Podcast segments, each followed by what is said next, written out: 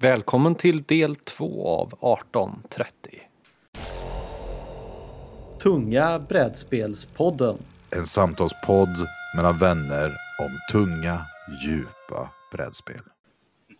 Svårt. Ehm, ja, men vad ska man säga? 1830 är ett avskalat 18xx med väldigt asymmetrisk uppsättning privates och bolagsuppsättning ehm, som skapar ett uh, svårnavigerat early game kan man väl säga. Mm. Ehm, där varje liksom, ordningen på bolagen, varje tile man lägger är oerhört oförlåtande och kommer få liksom, eh, vad heter det, eh, svallvågor genom hela spelet. Eh, man kan verkligen spela bort sig snabbt. Eh, man kan spela bort sig snabbt, men man kan inte vinna så snabbt i 1830 skulle jag säga. Okej Martin, det där var Edvins eh, mycket bra beskrivning, men också kanske lite svår för dem som inte har spelat så mycket 1800-spel. Skulle, du, skulle, skulle du kunna förklara det här så enkelt som möjligt för någon som har spelat eh, Wingspan, Terraform Mars, Agricola och lite Luciano-spel och något splotterspel? Alltså, Hans splotterspel underlättar ju mycket, men jag tänker att de är ändå inne och bråkar rätt mycket i många av de här idéerna. Men idén med 18x60 är att du som privatperson eh, kan köpa olika delar av olika företag och den som äger mest delar av ett företag blir president och får styra vad det bolaget gör.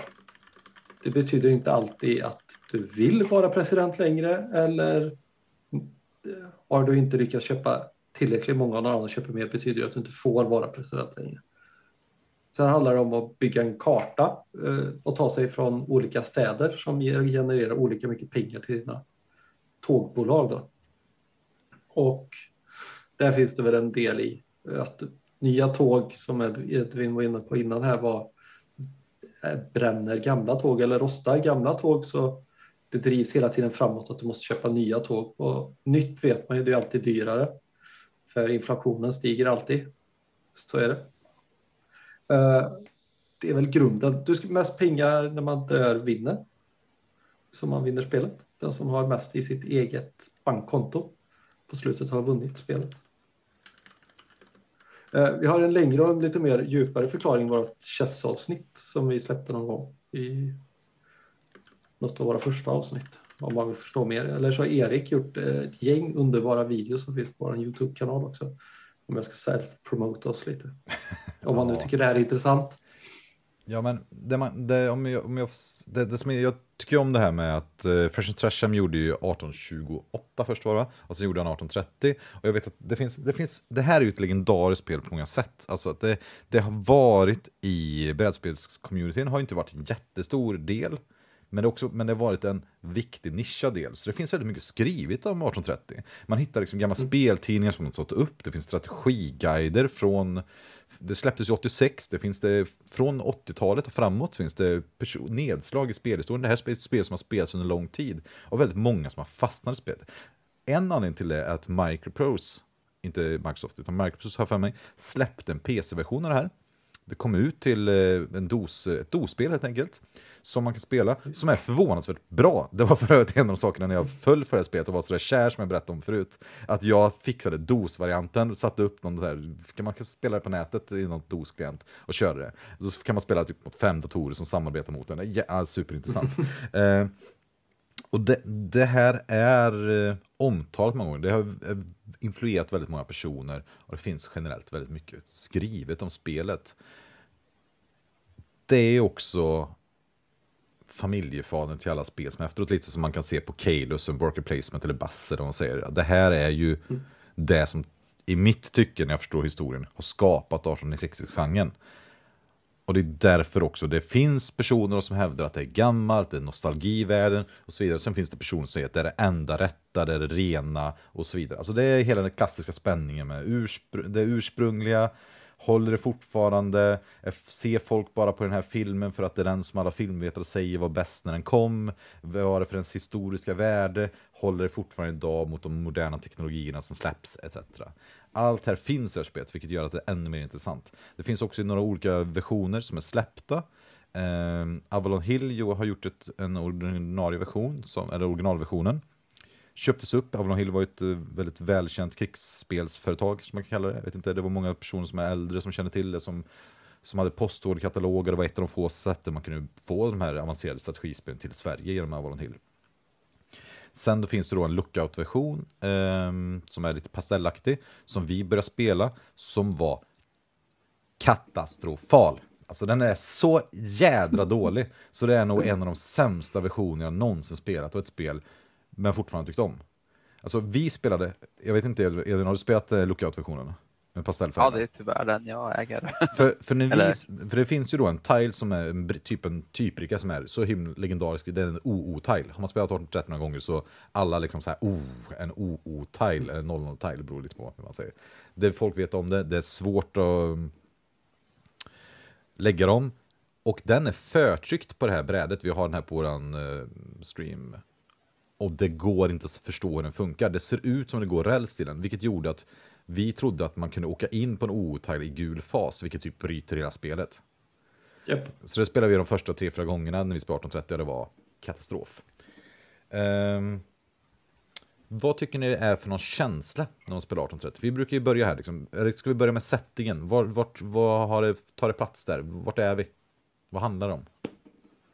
USA, rälsbyggandes tid, bygga upp det stora nätverket av tåg som får ekonomin att rulla i landet. Du är på östkusten va? Washington är ju östkusten så. Eh, ja, 1830 är ju årtalet, det säger ju sig självt. Det är väldigt praktiskt. Vad, känner ni till undertiteln på 1830? Jajamän. Real, Ja, vad säger du Edvin? Kan du berätta något om den? Railways and Robber Barons Jajamän. är undertiteln. Ehm, och eh, den syftar väl på, fast inte så eh, omfattande lagstiftning kring korruption på den här tiden i, USA. så man, eh, det var rätt, eh, liksom eh, företagens eh, pengar var mina pengar som president lite grann. Ehm, och det handlar ju 1830 eh, i ganska stor utsträckning om att man ska försöka extrahera pengar från företaget till egen ficka. Och det här tycker jag jag, då... tänker att det är Ja, lite kör. gamla oligarker liksom om man nu kollar Precis. på rysk perspektiv. Liksom. Det Eh, vad heter de då? Stuff You Should Know har gjort ett jättebra avsnitt om för och nackdelar med den här tiden. Så är man intresserad av den historien bakom där så är den jättetydlig. och Vi- 50 minuter på engelska. Vi har några bra sådana tips som vi kan lägga med i det här avsnittet som är jättekul om den här tiden.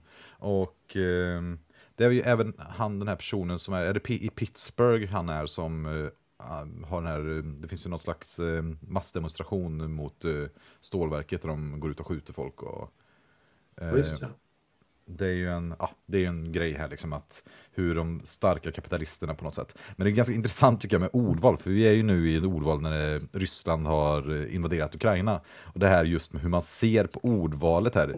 Eh, Edvin, du säger extraherar pengar från eh, företaget och nämner det som korruption.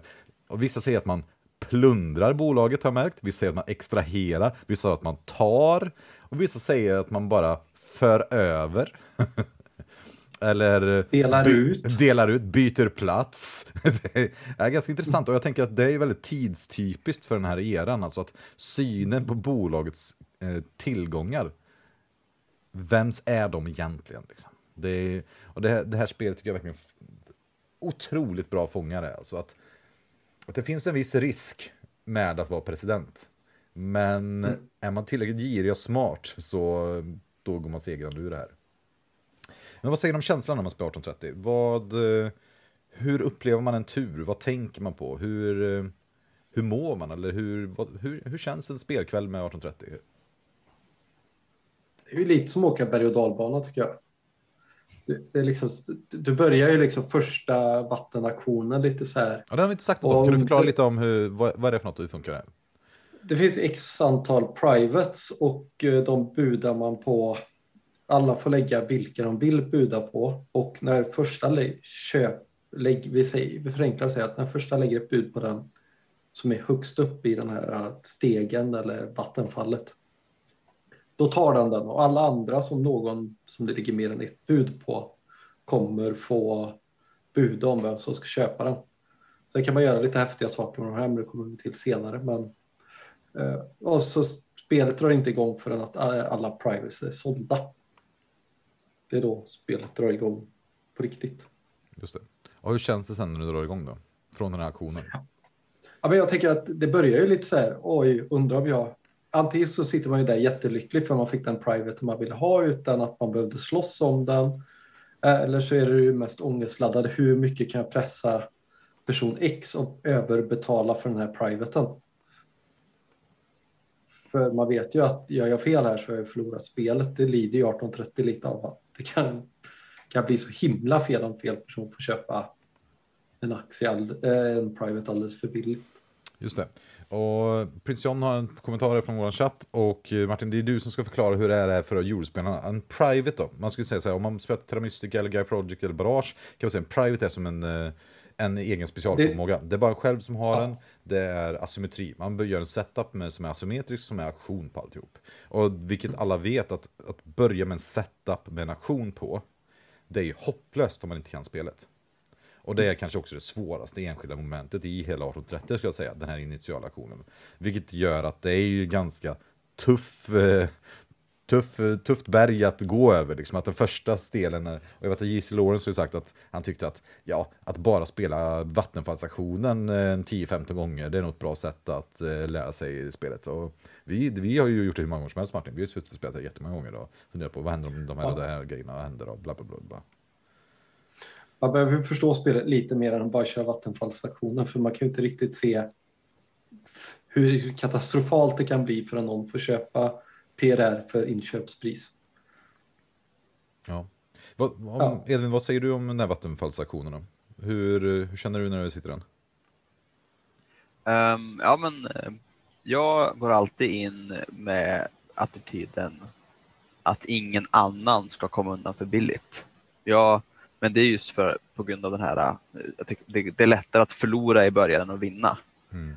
Ehm, så det där har vi pratat om tidigare att, eh, att man kan antingen gå in att man ska själv komma, komma ut eh, före eller om man, jag, jag brukar se till att okay, hur, hur ska jag navigera här för att inte en annan spelare får ett stort försprång. Mm. Eh, Den infallsvinkeln brukar, brukar jag ha. Ehm, Men jag tror att eh, vi är ju ganska nya på 18xx ändå. Mm. Och jag tror att eh, ju mer man spelar, ju mindre, ju, ju sämre blir det, blir det förhållningssättet. För att man kan lita lite mer på att andra spelare inte låter folk eh, ta hem någon superaktion. Liksom. Det pratar vi ju mycket om i våran spelgrupp. Nu är det din tur att ta ansvar för du sitter till Mm. vänster om X. Och får X Precis. göra det så har vi alla förlorat och då kan vi göra vinsten och så kan vi starta en ny omgång. Liksom. Det finns ju en ganska trag, eller jag vet inte om den är tragisk, komisk eller, deppig eller jag vet inte vad jag ska kalla den. Men jag, vi hade ju nybörjarpartiet med eh, 1830 och vi hade spelat 1889 två gånger tror jag. Och sen skulle vi spela 1830 och jag berättade lite bara om private som de funkar, alltså de här, och sa att det finns ett värde som står skrivet på dem och man kan se det lite som att de är värda 150% ungefär av det. Ni behöver inte bry er så mycket vad som står på, men ungefär 150%. Sen finns det den här näst sista privaten, den borde kosta minst 220 ungefär på något sätt. Och sen så hamnar vi i den här situationen att det är två personer som ska bjuda om den. Och jag tror det är Måns som var med i vårt förra avsnitt som, eh, som är, funderar på om han borde köpa den eller inte, eller borde släppa den. Varpå en viss person, jag vet inte vem, eh, eh skriver att om inte Måns bjuder minst 210 för den så säger vi, så tackar vi för spelet som startar vi ett nytt. Ja, jag vet inte, det var kanske inte den mest pedagogiska lärostunden. för jag hade ju också gått in här att jag tänker inte bjuda på den för det är inte min uppgift. Vilket på något sätt var ju ganska pedagogiskt, för jag har tänkt säga att man måste respektera den som personen som är efter den, att den gör rationella val. Så är spelserien. Man kan aldrig, det är väl en av de sakerna som vi är inne på direkt här, hur känslan är. Att man måste respektera sina andra människor kring sig som rationella agenter på något sätt. Alltså, Ja. Det här är ett spel som totalt i mitt tycke faller ihop. Om man inte spelar med personer som försöker gynna sig själv. Och eh, tror man, sen så, eftersom det är perfekt information så är frågan, men vad är det som avgör ett spel? Jo, att man inte gör en dålig bedömning. Och det har vi pratat jättemycket om. Det är det som själva spelet är. Det är massa olika bedömningar, vem har gjort eh, sen sådär. Men, eh, men, men, men det var, nej, jag vet inte. Det var ganska intressant. Och den här auktionsfasen är ju i början när man spelar de här första partierna. Precis som du säger Edvin. Man vill ju bara att ingen ska komma ut för mycket före. Så att, för vi har ju spelat spel som känns i efterhand man insåg, ja men det avgjordes nog första draget. Och sen har vi spelat fem timmar efter det. Ja. Sen är väl det... Eller, eller sju veckor som det var på nätet. Ja, okej, men okej, så först då är ju den här som vi kan kalla för en setup fast med auktion. Som är, Sen kommer vi in i stockround, stockmark, eh, stockrounden. Då ska alltså folk starta upp bolag. Det krävs eh, i 1830 ett belopp på 402 för att köpa 60% ett bolag. Ett bolag kallar man för att det floatar, alltså när det startar igång. Det kommer alltså kunna köra tåg och bygga räls och så vidare. Bolag som inte är sålda, utsålda 60% av görs ingenting med. De är helt passiva, de, finns egentligen, de är inte aktiva i spelet. Hur känns det när man kommer in i Stockround 1 här nu? Aktionen är avslutad. Ja, men det är väl också, där beror det ju lite på vart du hamnar i turordning. Och spelar vi på tre eller spelar vi på sex? Det är också väldigt, spelet blir så ofantligt olika. Kommer jag få ett bolag? Har jag råd att starta ett bolag ens? Eller har jag betalat för mycket? Nej, vart ska jag försöka sitta och leka papperskung på så länge, liksom briefcase-varianten? Och när ska jag växla över till att driva mitt eget bolag? Och sånt där. Så det är så ofantligt stor skillnad på hur du har kommit ur vattenfallsstationen, vart du är. Ja. En ganska viktig del av vattenfallsaktionen är ju att man, man bjuder ju om prioriteten också. Ja, eh, i väldigt, väldigt stor utsträckning. Um, eftersom, framförallt, eh, framförallt så jag brukar se till eh, att eh, det beror lite på hur de faller ut såklart, men, men ofta så kan det ju bli så att, att i slutet på, på de sista två privaterna, de, de betalar man ju också kanske extra för, för att slippa få BO, den sista privaten som anses vara lite halvtaskig.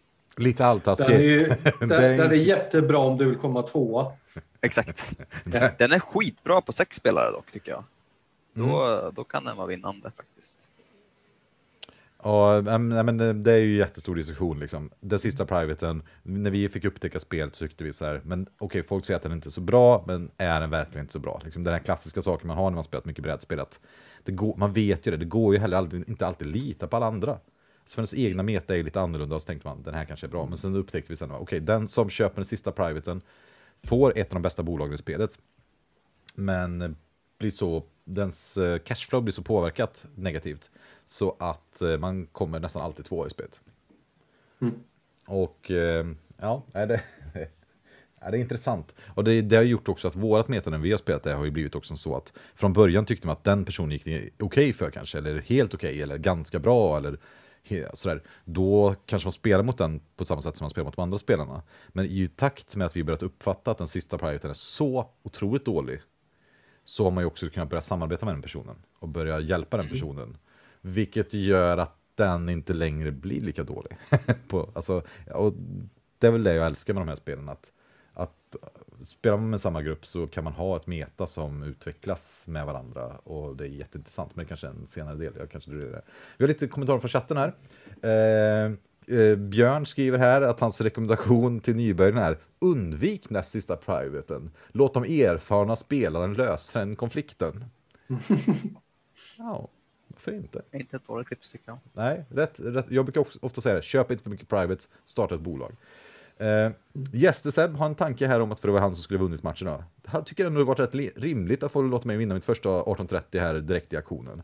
Medans eh, Måns som, som var den uttalade tycker att eh, det var rätt svårt med de här grejerna och att det blev väldigt fascinerande effekter när vi inte gjorde som Erik sa att vi skulle göra. Så ja, det var, jag, jag minns när ingen lyssnade på mig och jag fick ta den här sista privaten, fick eh, floata mitt bolag sist i turordningen i stockrounden på 67, på, fick PRR, fick själv gå in i grön fas, ja, om, man, om, man inte då, om man lyssnar på en podd här och inte ser på en stream så grinar Edvin illa för han vet att det här är trubbel för partiet. och varpå jag fick, jag vet inte om jag floatade tre eller fyra bolag totalt eh, rundan efter och sprängde alla tåg och eh, flyttade över alla tillgångar och hela spelet var helt eh, ja, förstört. Ja, men då fick man bjuda på en floatstorm också, det var kul också. Men vi, kan, vi, vi ska inte gå för långt i förväg. Men, men jag, jag är liksom fortfarande lite ute efter den här känslan, liksom, man spelar. Jag tänker så här, man spelar Agricola till exempel, då brukar vi prata om att det är så här, ångest över svälten, liksom, att man måste ha tryck på sig och skaffa mat. På engelska brukar man prata om att det finns tension i spelet. Och i Agricola är ju det från spelet, liksom att regel, reglerna med den här maten kommer från spelet och att man är pressad. Hur, liksom, hur, hur känns det när man spelar 1830? Hur var... För de brukar beskrivas som så här hårda, läskiga de här spelen. Hur, hur känner man? Liksom? Jag tycker att det varierar väldigt mycket. I, I 1830 är det väldigt läskigt när man lit, måste lita på en annan spelare. Liksom nu när man sträcker ut en liksom, eh, vad heter det? hjälpande hand eller ber om en hjälpande hand kanske. Liksom att, att nu sitter vi i skiten här, liksom, spelare någonting, håller på ro hem det här. Nu måste vi hjälpas åt här. Vi måste liksom trasha ner bolaget så att eh, vi får köra våra tåg en gång till eller någonting. Och så gör man det här och liksom sätter sig eh, i, en, i en situation där de verkligen kan ta koll på en.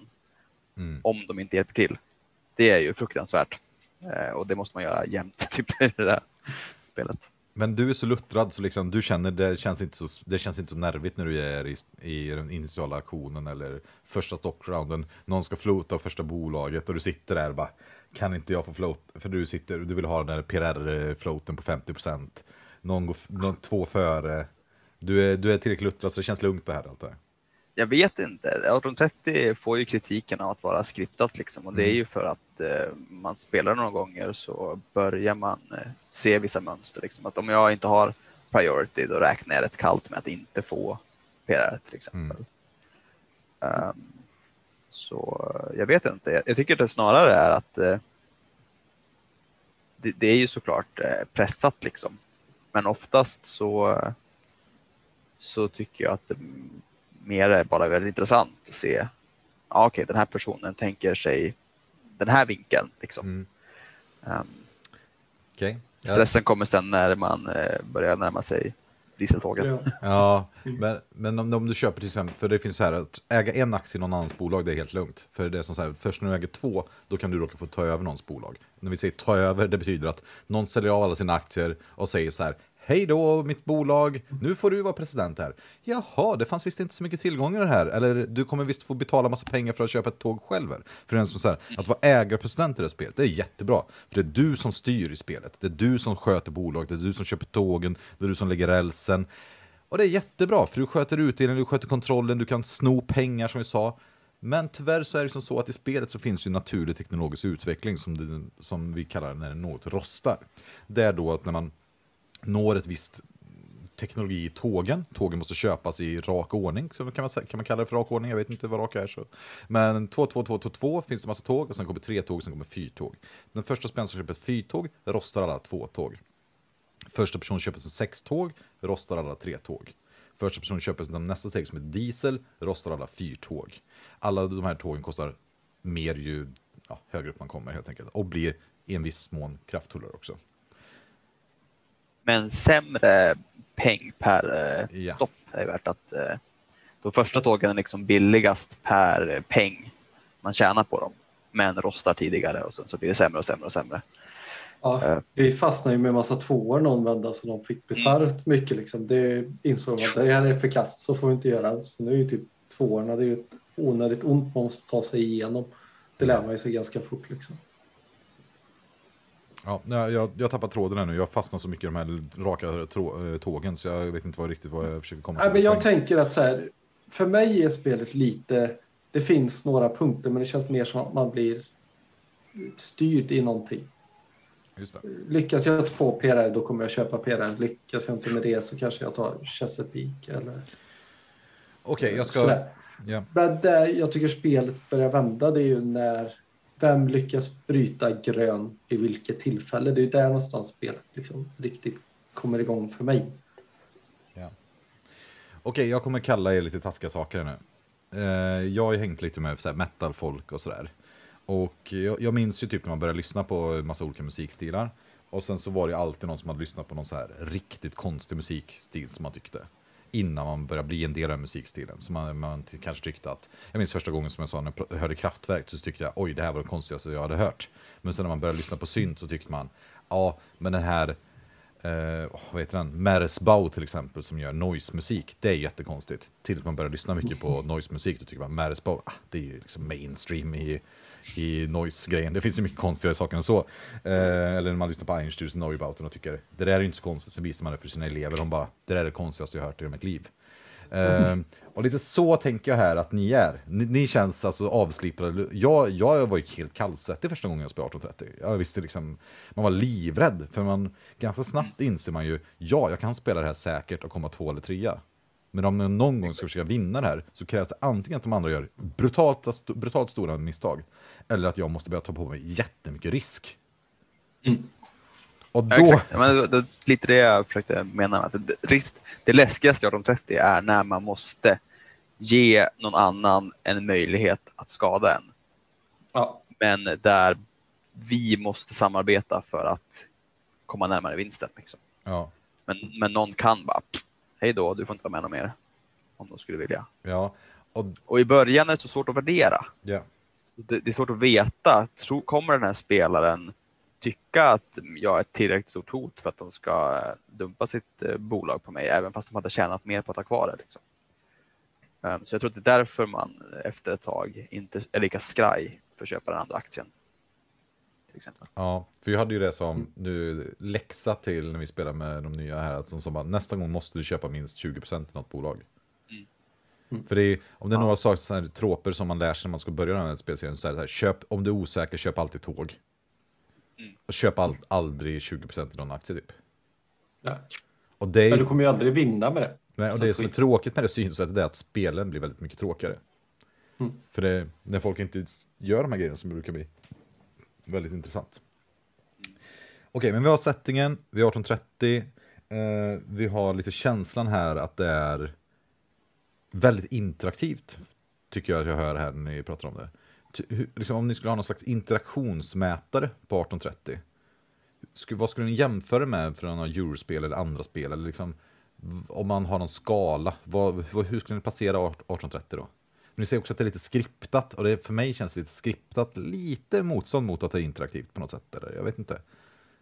Ja, med skriptat menar jag snarare att man efter ett antal partier har eh, sett öppningar och motspel. Ja, Motdrag, så heter det. Motdrag. Ehm, Det är väl lite som schack. exakt, och det är ju få som hävdar att schack inte är interaktivt. Liksom. Att det är snarare att, här, okej, jag vet att eh, i det här fallet så har jag de här valen. mm, Ehm, men, men de kommer, det, sv- det svåra där är ju att de valen kommer ha väldigt stor effekt om väldigt lång tid Mm. som man inte kan se från början. Eh, och där handlar det då om magkänsla, att vilk, vilken av de här kända, eh, eller mer eller mindre kända eh, eh dragen passar just min situation bättre. För, för som jag sagt, det är en, det är en, med, i och med den i- så, så är ju var, i stort sett varje 1830-parti lite annorlunda. Liksom, någon har eh, några kronor mindre, en aktie mindre, eh, olika kombinationer av, eh, av private. Liksom. Mm. Så även om det finns eh, kända drag så är de inte 100% applicerbara och förutsägbara i varje situation. Nej, och det är ju det som gör det så bra. För att direkt när man börjar tycka att ett, en, liksom en bildorder, en scriptline så är lite för bra, då kommer ju den ge avslag i vattenfallsaktionen i början. Det är ju, där, det är ju alltså, det är därför jag, för ibland hör jag kritik mot att den här aktionen i början är så liksom, dålig och sådär. Men jag tycker utan den så skulle ju hela spelet falla rakt av. Då skulle man behöva Ja, det göra väldigt saker. självreglering är ju bra liksom.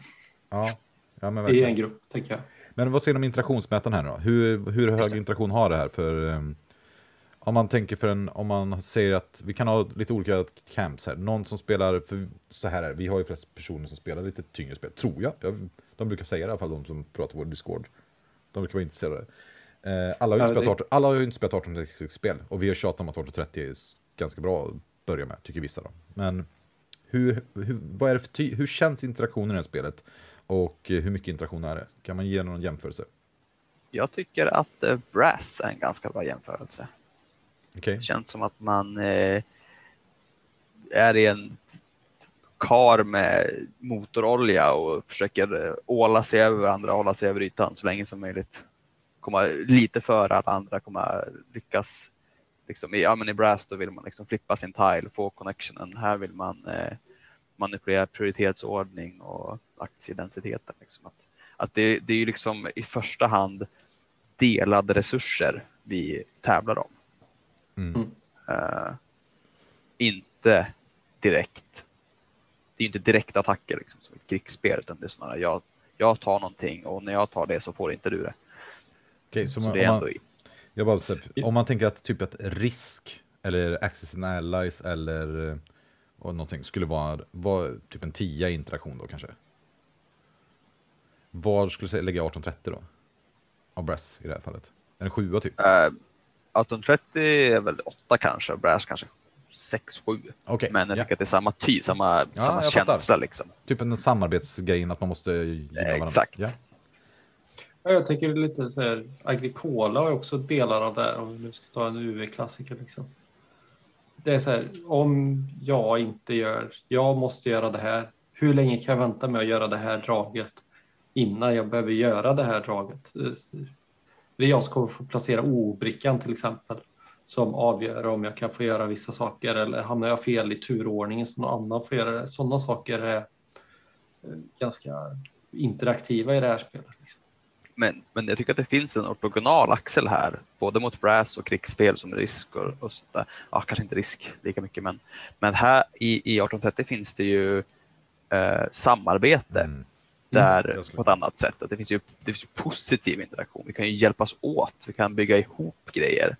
Eh, sen så brukar jag inte spela så mycket än så, men däremot är det ju eh, liksom vilka bolag som man själv vill ha är ju att man vill väldigt gärna koppla in sig i någon annans, liksom om man kommer till SR4 eller något sånt där skit, eh, så vill man ju se till att starta ett bolag där någon annan har byggt Mm. och kommer fortsätta bygga. För då tjänar man pengar. Ja, man får dubbelt så många tile tjänar dubbelt så mycket pengar förhoppningsvis. Eh, jämfört med att sitta själv och, och halva runt. I, I Agricola skulle ju drömmen vara att kunna bygga på ett sätt där ingen kan störa en och interagera med en. Det hade ju varit liksom. Mm. Medan i 1830 hade man ju bara förlorat på det. För man, För- behöver, man behöver hjälp från de andra spelarna. Så är det. För jag tänkte jämföra med eh, Guy Project och Terra Mystica som vi pratat hur mycket som helst om. Och där är det ju verkligen, har man ju testat, bygga isolerat, då förlorar man, man får inte tillräckligt med resurser. Och i 18xx-spelen är ju intressant, och 1830 är då att vi pratar om att det finns en resurs i spelet, och det är pengar. Men, och pengarna är ju det som avgör om man vinner eller inte, för det är det som är vinstpoäng i slutändan, och aktievärdet då, som översätts till pengar. Det är inte sant, liksom, mer än, för det finns ju några till resurser i det här spelet. Det finns ju tempo och det finns tracks, som Edvin är inne på. Att tracksen är ju en resurs i det här spelet på något sätt. Och eh, Så är, det finns ju ett till rätt så viktig resurs, alltså dina stationer. ja, stationer också. Det är Ja, väldigt bestämt. Det är ju faktiskt den enda fasta, i stort sett, resursen i spelet och, och just det att man märker så tydligt här, när jag, även om man spelar med väldigt mycket på meta och, precis, och personlighetstyp här. Att jag tycker att vissa personer har blivit insålda på 1800 som väldigt elak och hård. Och de spelar, spelare tycker jag väldigt ofta att de försöker till exempel förstöra för någon. När jag försöker lära ut de här spelen så brukar jag försöka säga att det här är ett spel som går ut på att samarbeta. Men det gäller att man själv tjänar på det. Och eftersom, och det går då i hand, och det är då därför är det helt centralt vad vi pratat om. Hur ser man på spelet? Hur ska man spela det? Vem vinner? Kan man spela ett 1830-spel för till exempel att komma tvåa? Då, då, då kan man aldrig samarbeta med någon för att man kan inte ha gemensamt mål, att till exempel komma före den som just nu vin, leder. Ja. Ehm, och därför är samarbetet så otroligt, och det är det som jag tycker gör de här spelen så otroligt roliga. Alltså att, att verkligen hitta den här personen som man samarbetar med och kan försöka avgöra när är poängen att det här samarbetet inte är bra för mig längre. Och som Edvin är inne på, det är också det läskiga. Att den andra personen bedömer att nej, här kapar vi bandet, här slänger jag ner min station, här blockar jag av rutten, här förstörs din rutt med 150 pengar mot 300. Och här är det, ja, sådär, över för dig eller något. Eller här dumpar jag det här bolaget eller något. Och ehm, jag tycker det är underbart. Jag, eh, och det är därför det här är för mig då interaktion på väldigt, väldigt hög nivå. Att jag hela tiden, precis som när vi pratade om Chicago Express och Cuberry-spelen, interaktionen är inte bara att jag påverkar de andra, utan att jag måste förstå deras game state. Det är liksom inte att, jag, jag fattar ju att om jag ställer en station på någons rutt att de får mindre pengar. Men jag måste tänka, precis som man spelar packspelen, liksom, att vad skapar det här incitamentet, eller den här handlingen för incitament i spelet i stort? Gynnas jag det här eller inte? Och det tycker jag gör att det är, det är som att spela fyra, fyra spelare samtidigt ungefär. Jag, tycker det är, jag vet Ja. inte om ni tycker likadant om det här, men jag tycker det är, det är det jag uppskattar. Och det är ju det man kan bli så arg på också. När man tycker att någon har tänkt fel. Ja, Ja. ja, ja, men så är det ju. Det, Här kan vi ju återknyta till de luttrade brädspelspodden-deltagarna kring det vi pratade tidigare om. Eh, eh, vad var det? Det var... Nu glömde jag. Nej! Jag hade världens bästa segway. Ja, ja. För jag tänker, om vi pratar om ett annat spel som vi har spelat rätt så mycket den sista tiden som skiljer lite där. Du försökte få in om eh, Food Chain var ett, eh, vad heter det? Ett 18xx eller inte. Jag tänker att en stor skillnad mellan Food Chain och det här för mig det är att i det här i Food Chain kan jag bli irriterad på mig själv för att jag spelat dåligt. Det gör jag oftast inte på samma sätt när jag spelar 18xx-spel. För att, eh, ja, det kanske är för att jag inte kan läsa av GameState lika bra i FCM som jag kan i 18xx, men någonstans i 18-spelen så säger vi man spelar fyra spelare och man försöker tänka ut hur alla andra har tänkt och vart de är på väg och sådär. I Foodchain kan du ju bara ta ett dåligt val längs vägen som gör att du blir väldigt förstörd. Eh, det är väl antagligen samma sak, men det är väldigt olika upplevelser av samma problematik. Ja, alltså, jag tror att det är för att du spelar ett meta där det folk au- automatiskt gör vissa saker. Jag har ju spelat med folk som inte spelar på det sättet. Och till exempel att någon stock round 1. För då får man, man startar sitt första bolag får man ju välja hur, hur dyra aktierna ska vara. Ju dyrare de är, desto mer pengar gör de till företaget. Och för en person då som tänker så här, okej jag kan starta ett bolag, det är klart att jag vill att företaget ska ha mycket pengar. Problemet blir då att då, du måste om ett företag har mycket pengar, det är liksom inte bra i sig.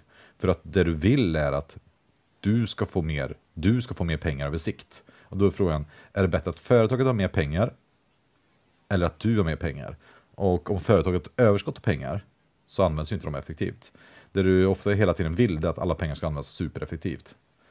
Och därför, om man inte är van med det här då, kan man då, om man startar igång ett bolag första stockrounden och så här, jag köper mina aktier för vet jag, 80-90. Då vet jag att den där personen har ju förlorat. Om inte folk aktivt samarbetar med den resten av spelet. Så det, det som, alltså, sättet att man förstör sin ekonomi på, det är som om, ska jag jämföra om man spelar Agricola, om man sina fyra första drag inte gör någonting. Ja. Alltså, eller bara tomat kanske, eller jag vet inte. Eller så här, man, där man, där man, man gör ingenting. Och så, man ser inte att man har förlorat direkt, men det märks sen efter ett tag. Det roliga är att det är antagligen du som kommer gå i konkurs också, för att du kan inte få ut ditt andra bolag. jag vet inte. Hur tycker du, kan man förstöra sitt egen ekonomi i ett 18xx-spel? Eller 1830? Absolut.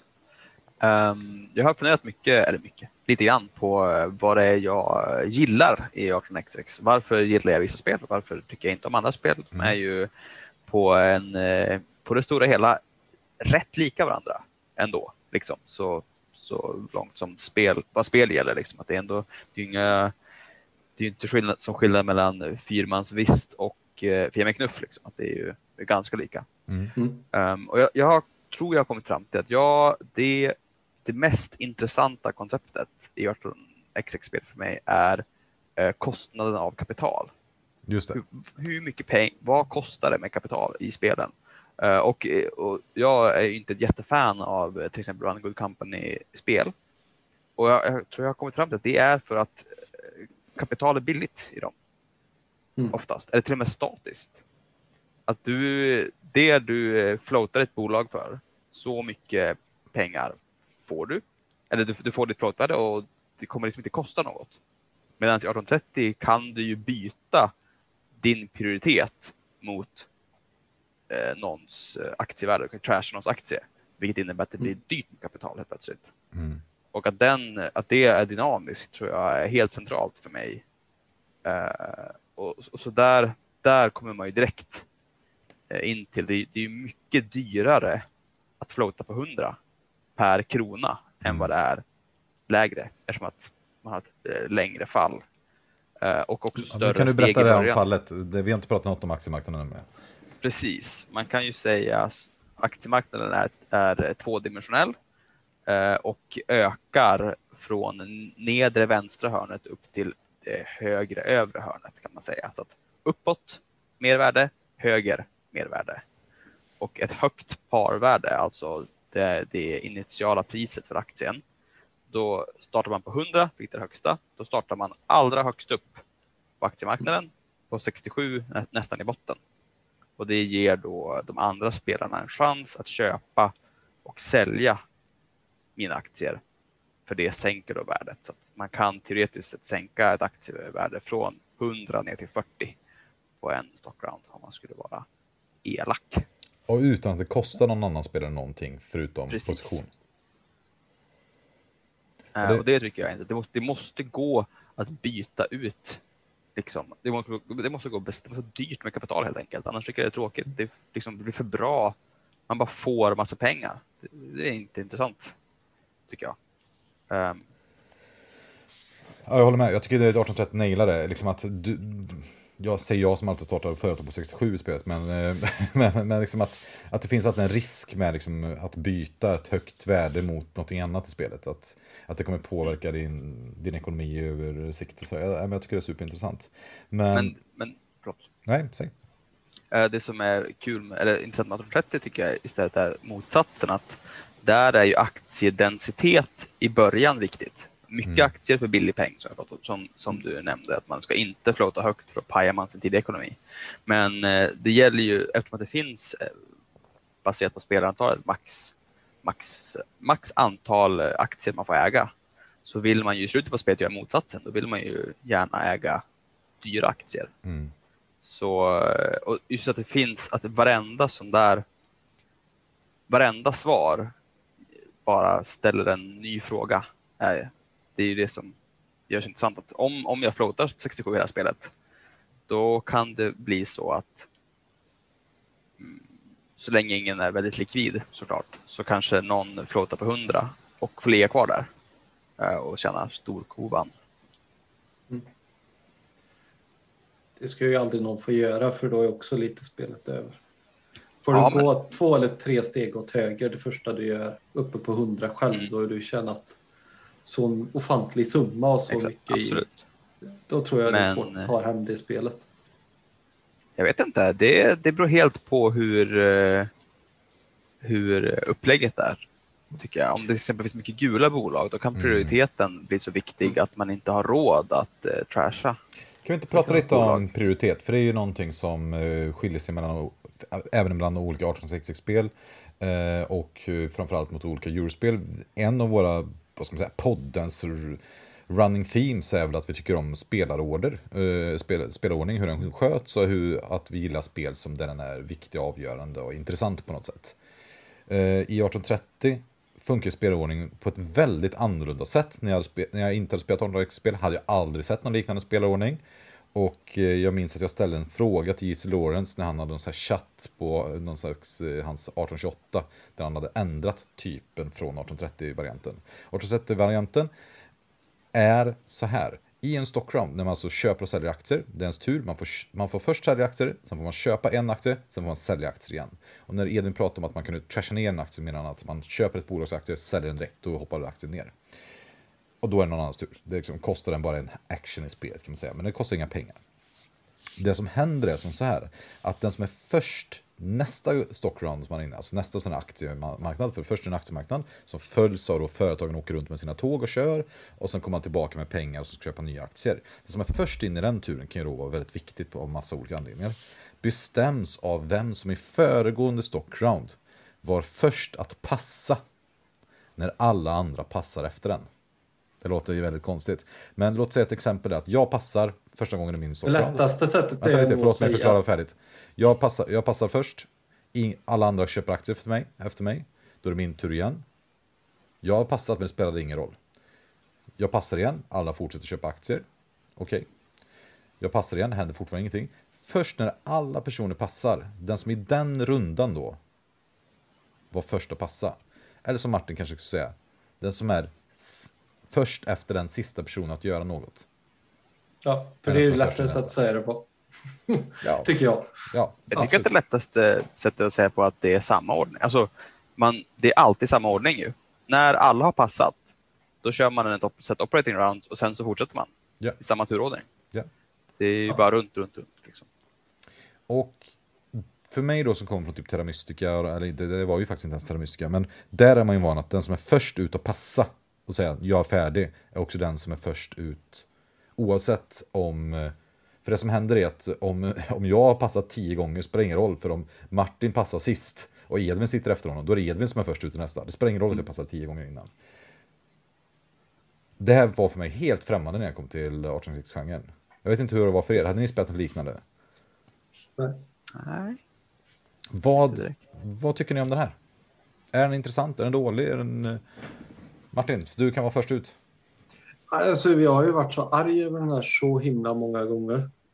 Ja, jag tyckte att det har varit orättvis och jag bla och bli och uh, nog ringt och jag kommer ihåg att vi hade mycket promenader och jag och svor över det här och så där. Men desto mer jag tänker på den och desto mer jag har liksom accepterat att den är där tycker jag den är helt okej. Tycker den är, jag vet förutsättningarna i spelet och då har jag liksom inga bekymmer med den det är liksom en del i kalkylen jag måste göra och det gör att det är helt okej. Nu är jag nog ganska likgiltig mot den kontra andra varianter. Vad säger du Edvin? Jag tycker att det är superkul faktiskt. Ehm, jag förstår, eh, det är ju, vad ska man säga, extremt o-euroigt. Liksom. Någon annan bestämmer turordningen. Jag kan liksom inte påverka min egen.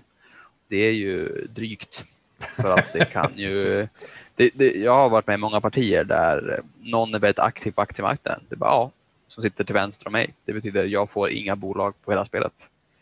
Ehm, och det kan man ju ogilla. Vänta, vi, har, vi har en passus här från Martin tror jag. Vi hade ett stående skämt i vår spelgrupp där vi sa att den som satt efter Erik får, får alltid vara först ut i Stockholm. Ja. ja, jag var likadan. Den som satt efter mig vann jämt. Jag bara satt och trashade allas aktier hej vilt, så fick jag inga bolag och någon annan vann. Hopp. Tråkigt. Och där inser man att man måste samarbeta någonstans. Det metat funkar ju inte. På tal om, Tycker jag. jag tycker att eh, en av de läskigaste liksom, eh, samarbetsförslagen, det är när man köper upp sig i någons bolag så att det blir slutsålt. Ehm, och så här, har prioritet så länge de passar Mm. så att man inte förstör det och måste sälja aktier för annars får bolaget dumpat på sig. Det, Ja. det tror jag att jag tycker är en av de eh, obehagligaste. Ja, men typ i Stockround 2 eller 1 eller något. Typ. Ja, och så här, nu, nu köper jag upp mig i ditt bolag här så att det är liksom fullt. Köp nu inte en aktie till för då liksom kollapsar allt. Och så gör de det. Då blir man ledsen. Ja. Det Och framförallt det där- känsla. Nybörjargrej så tror jag det är lätt att inte se det. Ja, samma. Och man måste ju vara så att de eh, värderar att eh, liksom, jag får åka snålskjuts på deras bolag högre än att till exempel trasha den som leder eller någonting. Så där, det Ja. ju bara. Men det är också väldigt svårt att se hur kraftfullt Priority Deal är i det här spelet. Om, om, om, alltså Priority Deal är ju att man är först ut. Hur, hur starkt skulle ni bedöma att Priority Deal är om man jämför med några andra spel som ni spelat? Är det viktigt att ha med turordningen liksom? Är det liksom att det är helt är okej också- eller är det... Men alltså antingen kommer det vara det viktigaste i spelet för om det är rätt SR där du sitter som Ed- Edvin pratade om att eh, det, jag kommer få tåg crashad eller bolag på mig som jag måste köpa nya tåg i. Alltså du kan ju bli total förstörd till att det spelar ingen roll att jag är först ut i nästa runda. I stort sett. Jag kanske får köpa en aktie men det, det kommer liksom inte vara avgörande. Jag tycker saker i det här är så tempointensivt. Vart, vart är vi just nu? Det är det så himla avgörande hur läskigt eller oläskiga saker är eller hur bra eller hur dåliga de är. Liksom det, jag tycker det är svårt att säga det på ett övergripande. Men man kan ju säga att eh, Priority Deal har vunnit spel i alla fall. Kan man konstatera. Okej, då är jag, kan jag, absolut vara spelvinnande. jag går väl ut som, eh, som den här generalisten och eh, kommer ut och svingar. Jag säger att jag aldrig upplevt en spelarturordning kraftfullare i något spel än 1830 tror jag. Så jag, jag tycker att eh, när jag vet att jag har priority deal så känner jag mig fan mig som Stålmannen alltså. Det är så här, helt oslagbar, helt ostoppbar. Och det bara finns en hel... Liksom, från det att jag sitter här, som ni, ni, jag har ju inte beskrivit min känsla av spelet här, för det var ingen som frågade mig. Då. Jag är inte för att jag kränkte över att inte bli tillfrågad. Men liksom, från att man sitter svettig, ångestfylld, neurotisk, som Edvin säger, kommer de se det här på samma sätt som mig? Kommer de samarbeta? Kommer de lägga den här tilen där? Kommer de stänga av mig? Och sen helt plötsligt märker du bara, okej, jag kommer ha priority deal. Och från att du har liksom de här små, små alternativen där du kan göra små val så känner jag plötsligt så här, en hel vapenarsenal öppnar sig. Om det finns möjlighet att investera i vad som helst och du bara sådär, jag kan tjäna så mycket pengar och allt kommer bli det bästa och ingen kan göra någonting mot mig. Och sen är det ju skiter det sig givetvis om den försvann Pirate dealen. Men men liksom när man har sett, och det är det här jag har märkt när man spelat det några gånger, att ju tidigare du kan se att du antagligen kommer få priority deal, desto kraftfullare blir den. Och kan du se det till och med i op- eh, innan den du är i. Alltså det är så vansinnigt kraftfullt. Du kan göra så sjukt konstiga skeva saker i spelet. Eh, att du börjar sådär tömma hela ekonomin i spelet till exempel. Du kan, eh, du kan hota alla runt bordet, att ingen kan investera några pengar i någonting i princip. Ja, det, jag vet inte, jag, nej, det är en sån underbar, varm känsla av eh, galenskap och eh, kreativa lösningsfokusering som, jag, jag vet inte, jag blir, jag blir fast med till mig i trasorna när jag märker bara, okej, jag kommer ha, jag kommer ha priority deal. Och det kommer vara amazing. Och, och det är ju en av mina favoritögonblick i spelet, för jag är ju, har ju ett dåligt rykte om mig att ge bort priority deal, så är, så är det ju. Men att man lägger upp en strategi i stockrounden hur man ska få, att man ska vara den som gör absolut flest actions. För det är så är ju fler actions du gör, desto mindre troligt är det att du kommer att ha priority deal. Men om du som sista action kan destabilisera spelet på något sätt, som gör att du, gör att du kräver en action från någon annan, då kan du helt plötsligt ha gjort 37 action, de andra gjorde, gjorde 5, men du har fortfarande priority deal. Och det, alltså när man, får, när man sätter den, eller man blir tvåa och man märker bara, okej, det här det är ju underbar känsla alltså. Och de säger här i chatten är så här, och en annan viktig sak med Private dealen som är ju så superviktig som Björn säger här, det är inte bara det att man, den skapar en möjlighet eh, att veta vem som kan vara först eller inte vara först eller kaos, utan man vet turordning sinsemellan spelarna. Ja, och att, är ju... att, att, liksom att om jag vet att okej, Martin, om Martin kommer vara priority deal så kommer jag vara före spelaren som sitter till höger om mig. Eller vänster, Mm. hur man, ja, vänster blir väl. Eh, och det gör ju också en så otrolig skillnad för spelet att, att, man vet, att man vet att den efter den i turordningen alltid kommer vara efter den så länge inte den är först totalt. Ja. Och hur, vilka incitament det skapar. Och det, jag vill bara kort säga att det är alltid säkrare att köpa risk hos någon som är direkt efter den i turordningen. För att du nästan alltid kan kontrollera om du kommer äga de aktierna om den personen före dig eller inte. Som Edvin sa, att man kanske måste sälja av sina aktier. Om jag äger de aktierna av någon som är efter mig i turordningen, då kan jag sitta på dem och veta att jag kommer vara först nästa gång, jag kommer få chansen att sälja dem först. Skulle det vara som så att den personen efter mig är den som helt plötsligt verkar få priority, då kan jag sälja av mina aktier. Släppa den risken. Och det är någonting man lär sig ganska tidigt i 18, när man spelar 1830. Att köpa den som är före en i turordningen, det är livsfarligt. Ja. Och då, då man är illa ute. Jag vet inte. Vad tycker ni? Hur mycket farligare att köpa för någon i- före mot senare i turordningen? Skitfarligt.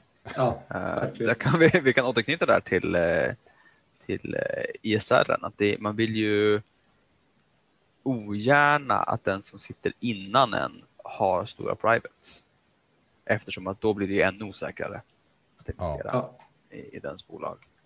Um, jag gör det bara ifall man spelar många spelare och de har typ eh, private 1 eller någonting sånt där. Ja. Som inte spelar så stor Ja, roll. det kan man säga. Man kan sälja ditt, du kan sälja din private till bolaget för dubbla pengar. Det står tryckt på det. Det är därför vi säger att det är värt en gånger en och en halv och lite sånt där. Men, så du kan få väldigt mycket cashflow tillbaka genom att sälja dyra privates in i tillbaka till ett bolag om det finns pengar i bolaget för. Vi Och det är lite... det som gör sista privaten dålig. Vi Mm. hoppar lite här, för den, den brinner upp så fort du köper ett tåg med den. Så du kommer aldrig generera de pengarna tillbaka in i din egen ekonomi. Vi har en intressant fråga här från chatten om handlar om samarbeten. Så vi har varit inne på lite det här med samarbeta och meta och interaktion och allt det här. Uh, Jesper säger så här, men nu, när ni säger nu med samarbete, är det då muntliga samarbeten över bordet eller tysta samarbeten som ska tolkas av spelet? Det är första punkten. Vad säger ni om det? Eh, Jag föredrar tysta samarbeten. Varför då? Jag vet inte. Det är, för då eh, handlar det om att eh, bygga ett samförstånd, eh, liksom med spelet som språk. Inte. Ja. Tycker du att det är fel med öppna muntliga? Nej. Eller vad menar du med fel? Jag spelar hellre utan dem. Jo, men alltså tyck, Helt. tycker du att det liksom är regelmässigt fel till exempel? Nej. Skulle man, skulle du, för vi har ju pratat mycket om det här med metaetik här. Skulle du tycka om till exempel någon säger så här att de lovar att aldrig ställa en station på en bricka och sen så tycker de att det är bindande? Ja, det är ju fel. Bindande är det inte. Det är inte fusk att lägga den där. Nej. Om någon känner typ att det är en dålig person och någon lägger den där så tycker du fortfarande det är fel då till exempel? Att det är någon slags moraliskt bindande? Att någon, men det måste vara okej att lägga den där på något sätt?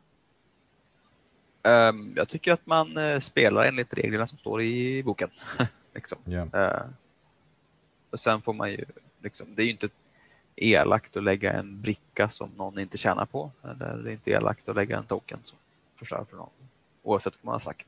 Och det är väl därför jag tycker att eh, bin, eh, eh, vad säger man, eh, uttalade allianser är eh, svårare eftersom att de inte är bindande Mm. och kan få folk att göra saker som är dumt. Eller vad man ska säga. Om jag säger så, ah, jag lovar inte lägga tokenet här ifall du inte lägger token där. Och sen lägger du inte tokenet där och så lägger jag tokenet där. Då har, då har man ju liksom, ja, vad ska man säga, missrepresenterat någon sorts möjlighet. Det blir ju, ja det tycker jag, det tycker jag är eh, mindre intressant. Liksom. Däremot så, så eh, Därför att det, den överenskommelsen hade förmodligen inte gått att ha om den inte var uttalad. Och därför tycker jag att det är mindre intressant tror jag. Att, att liksom en, vad ska man säga, en, en mexican standoff situation om, som man inte får prata om utspelar sig annorlunda än man får prata om den. Mm. Make any sense. Mm. Ja, jag förstår verkligen. Ja, Martin, vad säger du? Nej, jag tycker väl båda två är okej. Sen tror jag det också är lite... Jag tror det har lite med hur mycket man har spelat. Jag tror man har ett större behov av att prata om saker för att förstå om man ser brädet på samma sätt när man har spelat mindre än när man har spelat mer. För då kommer väldigt många av de här konstiga förslagen eller diskussionerna som eh, Edvin var inne på där att eh, det kommer aldrig uppstå en diskussion, eller i alla fall om man nu spelar så som vi Mm. pratar om, om man ska spela, då kommer det aldrig bli en diskussion om att inte ta den stationen om den är mest gynnsam för dig. Den diskussionen behöver inte föras för den är så orelevant. Du vet att den kommer man göra automatiskt för det är så kast annars för dig. Om den andra får göra det. Så jag tror också det kan vara vart man är i sin spelkurva, hur viktigt det är. Ja, och de, vi tog upp här att man pratar om så här, eh, även eh, hur det skulle vara dold information. Typ att man pratar till exempel om asynkront eh, vid sidan av. Och det har vi ju pratat om innan. att Det var ju så jag och Martin tog en promenad och var förbannade på varandra över 18.30 om morgonen. För att vi hade typ så här, eh, pratat bakom ryggen på varandra och tagit deals för, typ, om att vi lägger ingen station på den här. Och då insåg vi att hela spelet följer samman. Liksom. Det funkar inte. Och var svin ointressant och jättetråkigt. Liksom. Och så är det, men, men, Definitivt ett annat spel. Ja. Då kan vi ju spela Diplomacy. men jag tycker bara ni säger det jättebra. Jag tycker att i början så är det viktigt att man börjar diskutera om, jag, jag, här, man kan göra det efter, men det vi tagit upp förut är att man spelar synkront, alltså att vi spelar på nätet med brev, alltså ett drag per dag typ, eller tre drag eller vad man nu spelar. Att det som är bra med dem, med att spela ett sånt spel där, det är att det är lätt att prata om ett board state. Mm. Och ju 1830 är ett väldigt komplext spel, ska man ändå säga, alltså i att minnas det, att försöka komma ihåg samma sak, att prata om samma sak. Alltså, det, är väldigt, det är väldigt svårt tycker jag att prata om eh, operatingrunda 4.2 och folk kommer ihåg samma sak. Eh, efter spelet är slut. Att kunna göra det där på plats är lättare, även om det är svårt för att man är känslomässigt investerad. Och sådär. Så jag tycker, precis som du säger Martin, att i början så är det viktigt, men jag föredrar ju, precis som Edvin säger, att när den här blir, man bara får lita på varandra. Spelet sköter pratet själv och så vidare. Eh, vi har fått en intressant fråga här, som jag, jag kommer backa lite till den priority deal-grejen här från chatten. Att, eh, Björn frågar här, om man har bytt eh, priority deal till till exempel eh, 1822s, eh, att den med mest pengar när alla passat är först, minst pengar sist. 1828 har ju också att den som först passar är den som är först ut. Hur trasigt eller otrasigt, eller hur på, skulle 1830 bli om man bytte ut den här nuvarande priority dealen mot någon sån här variant?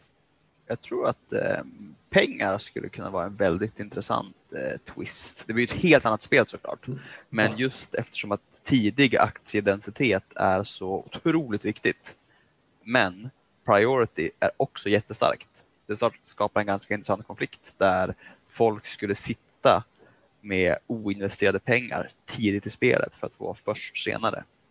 Eh, Det skulle kunna vara intressant tror jag. Men jag skulle nog, eh, alltså Vad, tror du, vad ser du för risker här? För jag, jag har en jättetydlig take på det här. jag vet inte. Vad, vad, Alltså vad tänker största- oönskat beteende typ eller? nej men så här, vad, tror, skulle, skulle, det- vad finns det för risker för spelet? Skulle det kunna bli ett sämre spel? Eller bättre? Skulle det bara kunna bli bättre? Liksom? Nej, jag tror inte att, det skulle bli bättre. Jag tror det skulle bli annorlunda. Ja. Men jag tror att det skulle också vara intressant. Eh, Spännande liksom. Att, eh, för drömmen är ju, jag tror att jag sitter med noll spänn efter varje SR liksom. Ju, Men tror du att det skulle kunna vara ett hållbart, för jag menar om man spelar off the rails till exempel, det kan man ju tänka sig ett spel som är kul att testa på till exempel. Vad händer, så här, what if scenario och sen testar man någonting, till exempel med 1830, byter ut någonting. Och sen kommer man ändå tillbaka att nej, 1830 var nog bättre liksom. Eh, tror du att det skulle kunna va- vara en uppgradering? För Björn är inne på att så här, det är en gammal dålig mekanik det här med priority deal-grejen. Tror du att det skulle antagligen kunna finnas en uppgraderingsmöjlighet till 1830 som skulle göra spelet rikare och mer intressant för dig? nej. Tror jag inte. Okej. Nej, jag tror inte heller det. Har ni Jag någon, tycker att eh, har ni någon liksom, varför då? Liksom, varför tror ni det? i mitt fall så, så skapar ju just den här eh, statiska turordningen skapar ju ett investeringsmönster som har en viss charm helt enkelt. Mm. Eh, Och om den kan ändras så måste man ta andra beslut. Och det blir inte varken bättre eller sämre tycker jag. Men eh, det blir ju inte 1830 längre. Helt enkelt. Nej. Um, om, man, om man liksom, eh, men som du säger, att när man helt plötsligt kan veta i 1830, så här, shit, jag kommer fan ha prioritet eh, över den här personen. Eh, man ser till exempel att någon kommer det här nästa OR-set köpa in en stor private och garanterat floata. Så jag vet att jag har prioritet över de här två spelarna. Och då spelar man enligt ett visst mönster för att man vet att det här kom, kommer vara safe sen och det liksom, finns ingen risk för dump förrän näst, nästa set. Jättekul. Bra, nu har jag tänkt smart tycker man. Ehm, om man eh, till exempel introducerar 1828s eh, godtyckliga turordning, då försvinner det här eh, sättet att tänka på. Mm. Och det skapas ju såklart ett annat sätt att tänka på. Men ja, det är annorlunda helt enkelt. Vad säger du Martin då? Ja, men jag är nog lite inne på samma sätt där att eh, det, då spelar vi inte 1830 längre. För, Och, och det är väl helt okej. Alltså, vi har ju testat på eh, nog kanske kraftigt berusade och köra suspekta uppsättningar av 1830 och sådär. Och det var ju en kul grej att inse att det inte fungerade med off the rails-varianten. mm. Ja. Ja, jag, jag tror det säkert kan vara kul och det kan säkert bli ett bra spel men jag tror att inte nödvändigtvis att då är det inte det jag letar efter längre. Eller Nej. alltså, Okej. och- då kan man, rättar man till den grejen om man nu tycker att det är fel. Då finns det några andra saker till man skulle behöva titta på som jag har varit inne på. Liksom. För jag tycker att det som prioritetssaken gör är att det här är en ja, Det är lite sådär, jag vet inte om eh, folk tycker att det är en bra sak, men eh, för mig är Priority Deal en väldigt tydlig catch-up-mekanik. Alltså att ett problem med eh, att, vad man ska säga, ett problem eller en feature av ekonomiska spel är ofta att man försöker bygga en snöboll som ska liksom rulla igång och bli större och större och större. Och sen så, den går bra för början, går bra för sen. Och då måste man på något sätt hitta i ett spel tycker jag för att det ska bli intressant. För annars kan man ju bara sluta. Om alla har sett sina snöbollar rulla igång kan man säga så här, oj, din snöboll verkar bäst efter första turen. Okej, du vann. Nu vi spela nytt. Sådär. Då är frågan så här, hur kan man då liksom interagera med en snöboll? Och det här, jag tycker det är helt jäkla, jäkla genialt. Jag hatade den här mekaniken från början. Alltså. Av hela mitt hjärta. Jag, jag låg liksom uppe och bara tänkte på hur fan kunde man skapa det spelet och ha en så fruktansvärt dålig per- eh, så här, spelarordningsmekanik. Men att se hur den faktiskt oftast kan slå mot den som är eh, leder, alltså då inte mest pengar utan den som kan göra mest i spelet eller kanske väljer att göra mest i spelet. Hur, hur det, man kan helt plötsligt utnyttja någon spelares position är, tycker jag är eh, jätteintressant. Alltså 1830 utan det här hade... För hela tiden som Edvin är inne på, spänningen i spelet här ligger ju att om du har jättemycket pengar mer, alltså typexemplet är att vi går in i fas 2 i spelet, Eh, som Martin var inne på, en trea köps in, det byter fas till grön, det är så här teknologiska utvecklingen gått vidare, du säljer in, som man kallar sin private, får du ut pengar från bolaget, du snor pengar eller extraherar eller vad du säger, du får massa pengar med privat, du har kanske 700 spänn på handen när du börjar din tur, de andra har 50. Och då är det frågan så här, vad kan jag göra med de här pengarna?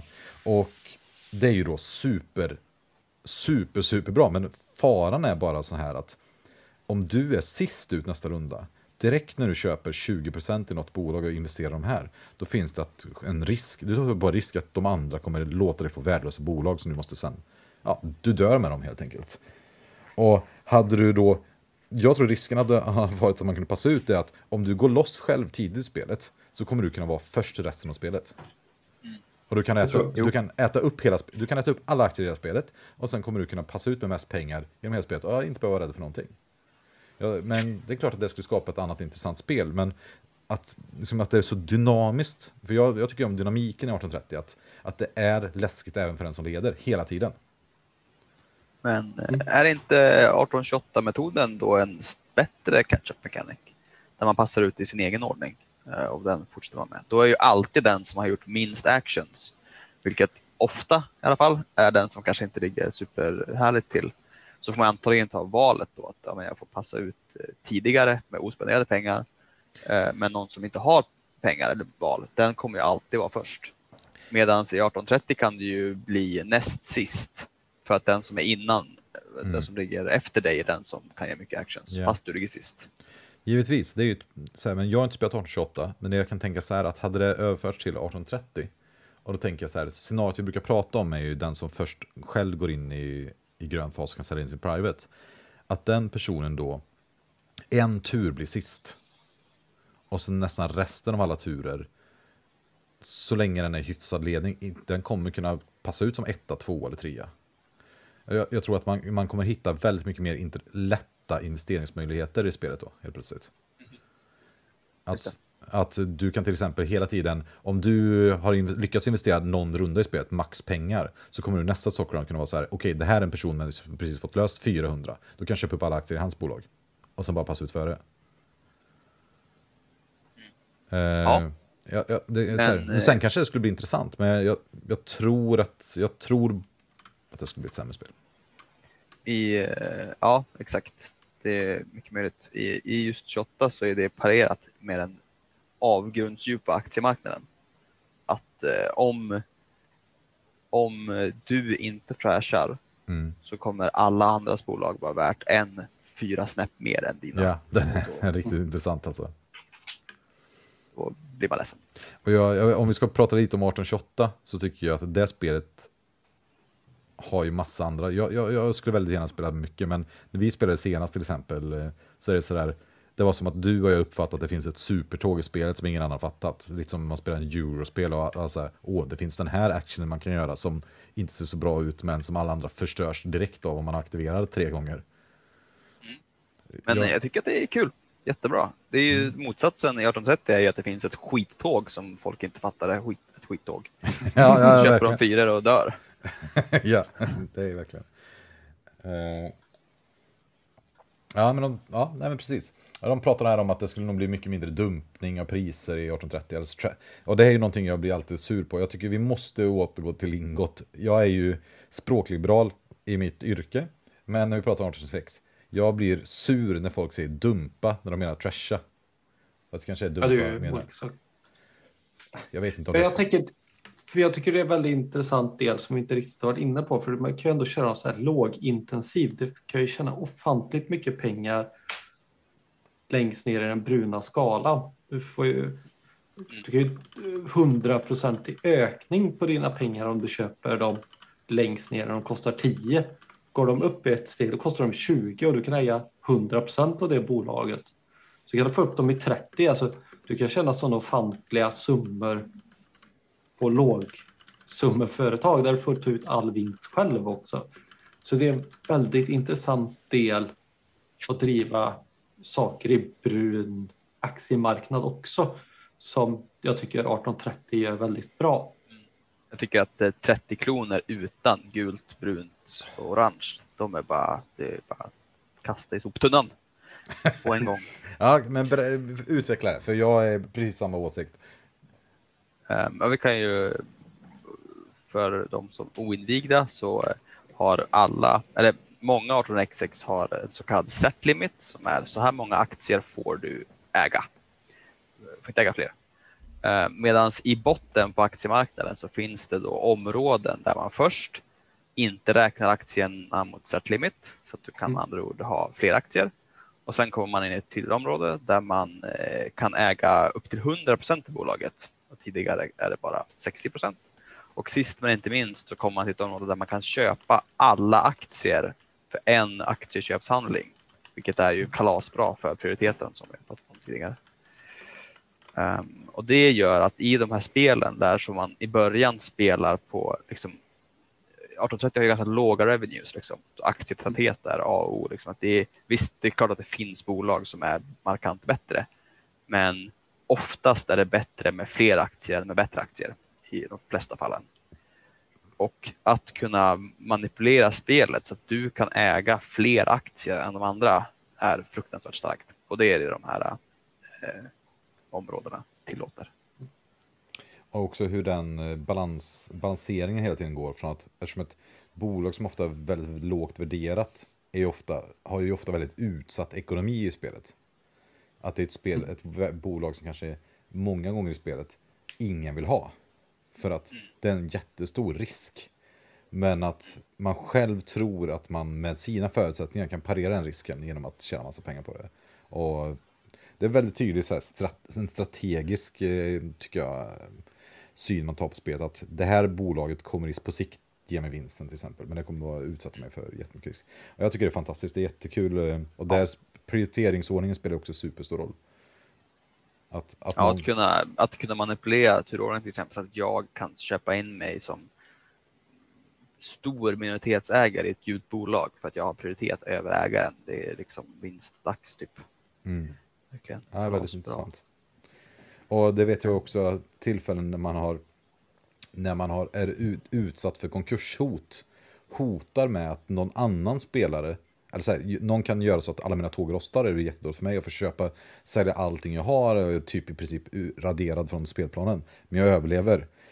Och en annan spelare först i turordningen och kommer kunna köpa upp alla aktierna från ett bolag med ett superbra tåg för 10 kronor styck som folk hade betalat 200 styck för dem. Det är också intressant hot i spelet, hur man vet då att om du vill vinna spelet så kan du inte göra det här mot mig. För då kommer spelare två vinna istället, rakt av på det här. Det är sådana konstiga saker som händer just med turordningen också, det är väldigt eh, intressant. Okej, men vi har pratat... Just- Ja, nej, säger Martin. Det kan man också säga när vi ändå pratar om turordning. Bolag som är längst till höger och längst upp går ut först och bolag som är längst ner till vänster går ut sist. För det kan ju också ändra när ditt bolag får gå ut, så det kan ju vara värt ibland att sälja en aktie för att ett annat bolag ska gå ut före dig, för då är den tvungen att köpa sista fyran som är det sämsta och du får köpa första femman. Det är också ett intressant steg i det här att Ja. det kan vara värt att göra sina egna bolag sämre. Eller hålla inne en runda för att någon annan ska gå förbi det och sånt där. När du egentligen i vanliga fall hade vunnit på utdelning och få gå åt höger. Och så, eh, det är bara lite så snabb sidgrej som jag har missat i Super, turordningen. superrelevant, för om man tänker på det så det är faktiskt två tillfällen man kan vara först. Det är med som spelare och som, det är klart man gillar det här då, och som du säger, det är superrelevant i spelet också.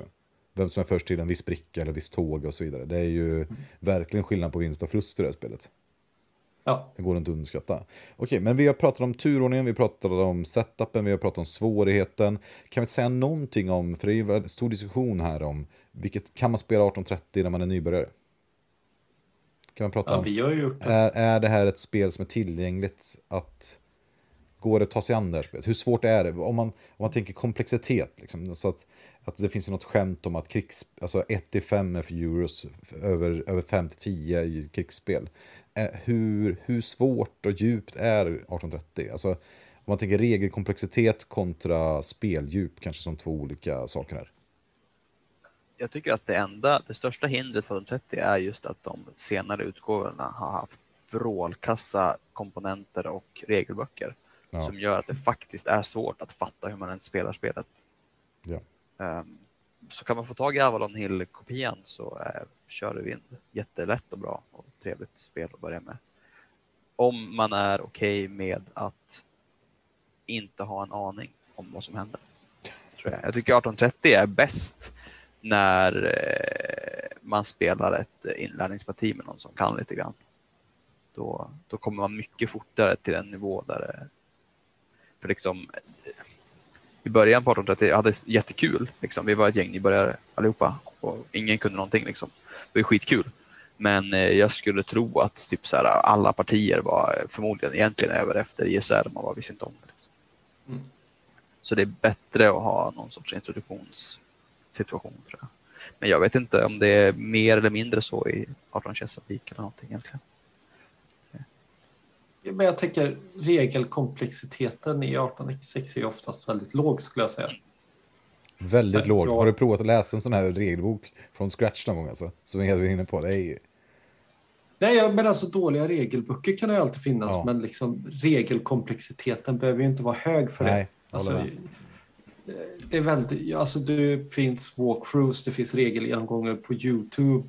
Alltså vi lever inte 1830, det måste inte ta till dig hur man spelar Nej, ett spel via en bok längre. Ja, jag håller med. Sen kanske du behöver hitta de små reglerna som du inte riktigt kommer ihåg. Liksom. Mm. Men försöka lära sig ett 18 X6 utifrån regelbok och inte ha en uppfattning om vad du gör, det är nog extremt svårt, det kan jag hålla med om. Men det, det är en annan diskussion. Ja, jag. jag fattar. Men vad, vad säger du om det som första spel då? Eller andra spel? Jag, tror hon, jag tror hon sa det, vad heter hon, hon som är med på Heavy Cardboard, hon med lite raspig röst. Amanda? Jag har ingen aning. Ja, men det är en kvinna där i alla fall. Hon sa det, 1830 är det bästa 18x6-spelet, men det kanske är det kanske inte är nödvändigtvis ska spela först, men det ska vara ett av de fem första 18x6-titlar du spelar. Det tror jag är en bra riktlinje. Ja, för det som finns till många spel är ju så här. När du provar ett nytt spel så står det så här. Det här, det här är skillnaden mot 1830. Mm. Och bara det är i sig en vinst tycker jag. Men jag tycker det som är så bra med 1830 det är att eh, det är många som spelat det. Det finns mycket skrivet om det på nätet. Det finns väldigt många som tycker saker om det. Du kan få reda på massa, du kan få hjälp av folk. Du kan lägga ut en bild och fråga vad tycker ni om det här? Hur borde man göra här? Det finns, och det är ett väldigt djupt spel ganska snabbt. Det är som Evin säger, och jag vet du och jag Martin hade samma sak här. De första partierna vi spelade, när vi tänkte tillbaka på den efterhand så förstod vi att de var inte kompetitiva, de var ju över direkt. Men vi visste inte om det. Det är så djupt spel, det är dunkelt, det är jättesvårt att se.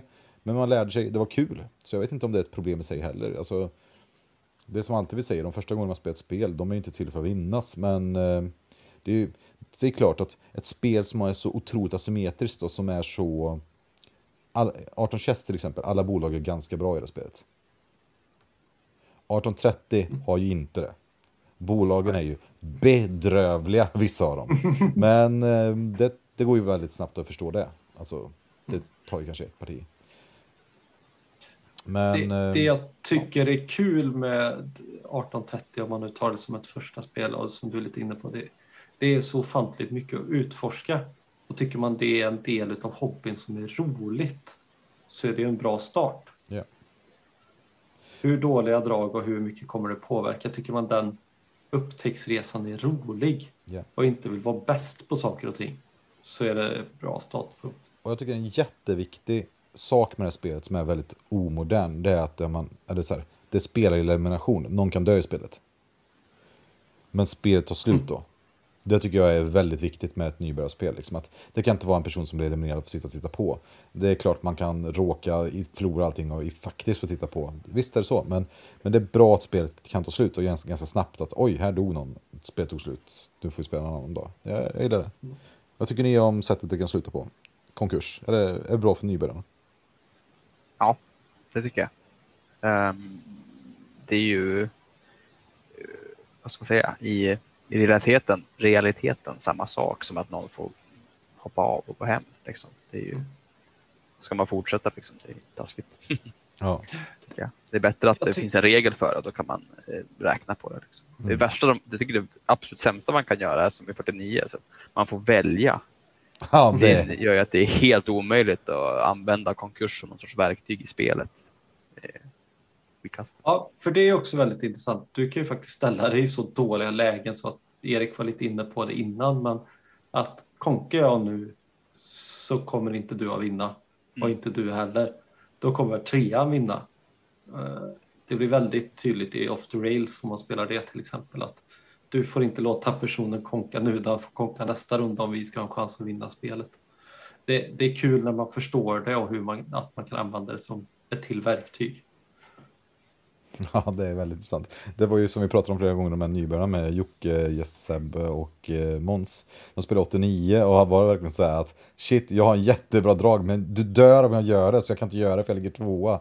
Du måste få tjäna tillräckligt mycket pengar så snabbt som möjligt så jag kan göra det jättebra, för då kan jag eventuellt vinna. Och så var det typ så här, skiljer på två spänn eller någonting och sen så var det en sån. Okej, okay, men, eh, okej, men ehm, då, då har vi pratat om ganska mycket olika saker här. Tycker ni att vi saknar någonting som vi pratar om 1830? Vi har eh,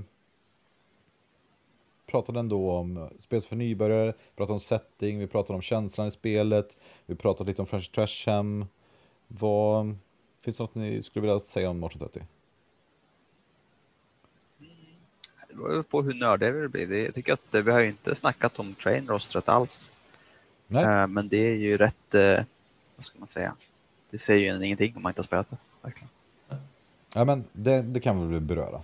För de som har spelat andra 1830-spel, och var, var, varför är 1830 Train Roster bra eller inte? Och berätta lite hur Train Roster påverkar spelen kan du säga också. Um, Trainrostet är helt enkelt mängden av de olika tågtyperna som är tillgängliga och det bes- bestämmer tempot i spelet. Finns det många av ett tåg, då är de generellt sett en bra investering. Det kommer ta lång tid att tugga sig igenom dem och att det rostar. Finns det få så kommer det gå fort. Och generellt sett så finns det färre och färre eh, ju högre upp i näringskedjan man kommer. Eller man ska säga. Och 1830 är väl vad ska man säga, någon sorts, som i många andra fall, en sorts grund, ska säga, en baseline eller man ska säga, för hur train rosters ser ut. Och den är väl 6-5-4-3-2 slutande. Har för mig. 6 2 5 3 4 4 3 5 2 6 Ja, 6, 5, 4, 3, 2. Jag har för mig att den är helt eh, rak, den, den, den kurvan. Ja, men vad är, är den bra den här rosten då? För 18 Chesapeake har ju till exempel fler, men man har en automatisk export att tas ut. 89 har väl, har det ett mer tåg men ett färre bolag, eller hur är det? Jag kommer inte ihåg det. 89 är en klon då. Så ni är, exakt samma. Exakt samma, men med ett färre bolag, så är det. Vad tycker ni om 1830s tåg? Är det för många eller för få? För det här sätter ju som sagt tempo i spelet. Jag tycker att eh, 1830s roster faktiskt är ganska dåligt. Ehm, men det är typ det som gör det väldigt kul. Okej. För eh, det är sj- sinnessjukt eh, obalanserat. Liksom. Treorna är skitbra, fyrorna svindåliga, femmorna jättebra, eh, sexorna och diesel inte så bra. Um, så att säga att det är dåligt är ju fel sak att säga, men det är väldigt obalanserat. Att få femtågen är ju otroligt bra. Mm. Um, och det, jag tycker att det är en helt legitim fråga. Är, är det rimligt att så mycket av spelet handlar om att få billiga permanents? Är det verkligen bra? Um, jag tycker att det är, ja, det är ganska bra. helt enkelt. Jag har inga problem med det. Men jag, först, Men men jag är mycket förstår, jag förstår de som tycker att det är tråkigt. Liksom, att, vad fan är det här? Att Man ska sitta här och hålla på och joxa i vad det nu tar, två timmar innan femman kommer och sen så avgörs det av den som får två femmor. Typ, liksom, vad fan. Det är för skit. Men det roliga är ju, tycker jag, just att vad, vad fan gör man när man inte får dem? Liksom? Hur ska man navigera? Både att försöka få dem såklart, men det är ju någon sorts första ordning. Kan man få dem, jättebra. Men hur gör man för att inte det är katastrof att inte få dem och sånt där? Eh, Det är ju kul, tycker jag. För man, det går ju alldeles utmärkt att vinna utan att få två femmor. Jag tycker det är mycket värre i 89 där det Ja. plötsligt blir så att ingen... Så här, ja, där dog, tog spelet två timmar längre för att ingen köpte den sista... Eller köpte den första femman. Ja, ja jag går och lägger mig. Men lite så. Det, det tycker jag är större problematik för ett spel än att ett tåg är för bra. Helt klart. Och det är, väl det, 100% med det är väl det jag tycker att 1830 visar upp, att det är, så, det är så bra att saker inte är balanserade spel, utan att man låter spelarna själva ha frihet att försöka positionera sig runt det. Att det, att det skapar en press i systemet, att alla vet att femmen är mycket bättre än något annat. Det är liksom inte shrugs att få en fyra istället för en femma. Alltså köpa den sista fyra mot den första femman. Sista fyrtåget kostar 300, första femtåget kostar 450. Kan ses som en liten skillnad i pris. Ja, det är det. Men fyran är förlustaffär rakt av, medan femman gör att du inte, inte bara att du tjänar pengar på det här tåget i slutändan, det är att du skapar en frihet till hela din aktieportfölj på ett helt annat sätt. Alltså, ett permanent tåg i de här spelen gör att du har tryggat vissa delar av din investering. Och det, det går inte, alltså att det går inte att jämföra att tre bolag med tåg som inte är permanenta mot att ha några permanenta tåg. Det är upp och nervända världen liksom. För direkt när det blir ett hot, om du inte har permanenta tåg, så kan folk göra saker mot dig. Men har du ett permanent tåg och leder, då är det väldigt svårt. Det är i den här rostningskurvan eller vad man nu ska kalla den. Det gör det också att när femmorna, med tanke på att de är så himla intressanta så är det så många som köper femmor. Sen blir det alltid någon som köper en sexa för den vill ändå ha ett permanent tåg. Då rostar alla treorna och då börjar hela det här rulla på. För då sitter helt plötsligt folk utan tåg och måste köpa sexor eller i värsta fall en diesel. Så du kan gå från 5, 6 till diesel på samma runda och då har du köpt fyran innan så kanske du inte ens hinner köra med den. Mm. Ja, visst. Det, det är ju fruktansvärt liksom. Och då har du investerat så ofantligt mycket pengar i det. Men det jag tror skulle kunna vara en utvecklingsmöjlighet, och jag vet inte om ni kommer hålla med här, men, men jag hade kunnat tänka mig att, att jag tycker att det finns ett, en tråkig sak med spelet, eller det kanske är roligt, men jag vet inte. Att de, det bolag som kanske brukar ha bäst dieselrutter, det är väl New York Central och PRR kanske, jag vet inte.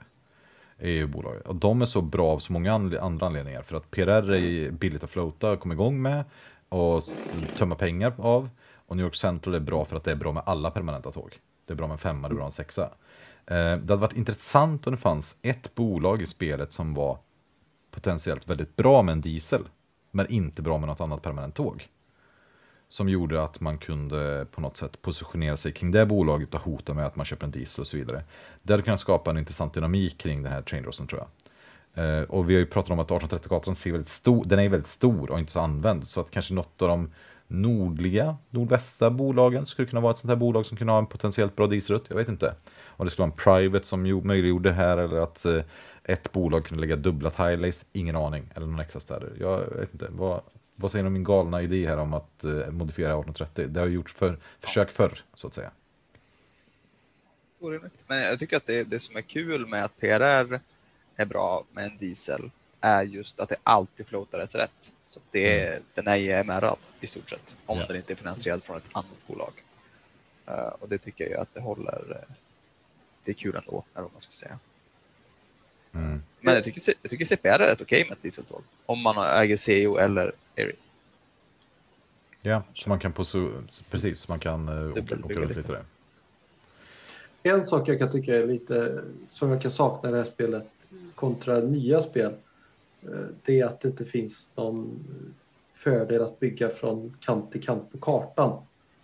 I många andra spel kan du få en bonus om du kör från vänstra sidan på kartan till högra sidan kartan eller norra sidan eller ovansidan till undersidan då, norr till söder. Det vet jag, vet inte om spelet hade blivit bättre men det är en sån sak jag kan känna att det känns lite gammalmodigt i. Typ som en liten så här mysig flair. Lite extra. Ja, Jag, jag älskar det. Jag känner så här, den där grejen brukar bara vara sån här hägring för folk i spel som typ 1882. Man bara, åh, jag kan bygga med de här två punkterna. Sen har folk det som någon slags dröm som man bara dör på den kullen gång efter gång. För man kommer aldrig kunna bygga ihop de här grejerna. Mm, så, kan det mycket väl vara, men eh, någonstans där så skulle det kunna, om vi nu pratar om dieselgrejen, så är det ju en sån Mm. sak som skulle kunna göra den rimlig. Liksom. Mm. Men Ja. då börjar vi komma lite bättre, längre in i typ Run Good Company-spel och det kanske inte är det vi spelar det här spelet för. Nej, men Jag, jag, Ja. jag är jättestort fan av eh, 28 just för att det ställer 1830 rostret helt upp och ner. Liksom. Att helt plötsligt är Poison 4 bara yes, jag fick den. Ehm, men det är ju bara kul i kontrast till normen. Mm. Eller man ska säga, man behöver ju båda. Jag tycker att 18 just 1830 är kul för att det är Vanilla. ja. Och liksom när man spelar andra spännande spel så är de liksom mer intressanta i kontrast till det här. Och även det, det enkla är också mer intressant i kontrast till det komplicerade. För att helt plötsligt så får man ett, ny, ett nytt perspektiv. Och liksom, I det här spelet funkar det på det här sättet. Och tvingad att tänka på ett helt nytt sätt. På vilket sätt liksom relaterar de här nya konstiga tankarna kring hur jag bör spela i det här mycket enklare, mer rest, inte restriktiva, men jo, typ mer, mer begränsade. Liksom. Alltså, jag måste hugga på det här för jag tycker det här är intressant. För att om vi tänker så att vi började med i det här, i det här eh, vi pratade om att vi började spela i lite mer icke-kommersiella delen, som du och Martin och Edvin också. Eh, då förstod vi att 1830 var ett eh, normsättande spel. Vi kallar det för Vanilla, det normala etc. För den generation som växer upp nu som 1860-spelare, som kanske börjar med 18 chess eller 1889 som kommer på Kickstart nu. Kommer de, om de, alltså är 1830 trendsättande trendsättare även om man spelar det efter de här andra spelarna? Är det det som skapar den här kontrasten till de andra? Eller förstår ni vad jag menar? Eller ses det som, skulle man kunna tänka sig att det snarare blir den konstiga kusinen som eh, är lite för vass som kanterna liksom? Eller lite gammelmodig? Vad- Många, Det är det, känns, alltså. Ja, det känns ju som att 1882 har den eh, liksom, platsen lite grann. Det är den folk spelar istället ganska mycket. och Det är den, den, som är någon sorts... och liksom som har tagit över den platsen som man får från 1830. Ja. Är det den med som springer räls och är Ja. jätteelak? Ja, det är bra spel. Ja. Som också har Men en det annan har ju mycket mer jox. Mm. Det är mycket mer jox i det än 1830. Det är lustiga privaten som eh, startar vart den vill och bolaget är inte med om man köper in den. Det är neutrala bolaget, det är öst-väst, Mm. det är pengar för att bygga i norr, det är lustiga eh, floder som man måste bygga över och det är ganska mycket krom ändå jämfört med 1830. Ja. Även nu 82. Ja, Så helt, eh, helt, eh, vad heter det? Ersatt kan det vara. jag för mig, har inte det ett färre tåg också som grund va? Av typ... Det är en färre femma. Ja. Och Men en, eh, det en mer blå bolaget lägger också. till. Ja. Ja, det, är- det är intressant alltså. Och jag kan ju säga så här att, eh, jag vet att vi pratade lite om det förut, men jag uppskattar inte 1882 så mycket. Jag, jag trodde jag skulle älska det här spelet, men det hela, jag märker ju bara att jag tycker, alltså, om man ser liksom Knizia är ju, tycker jag, är en bra brädspelsskapare för att han håller sig till, han kommer på en idé med ett spel upplever jag som, och sen så har han ett spel om den idén.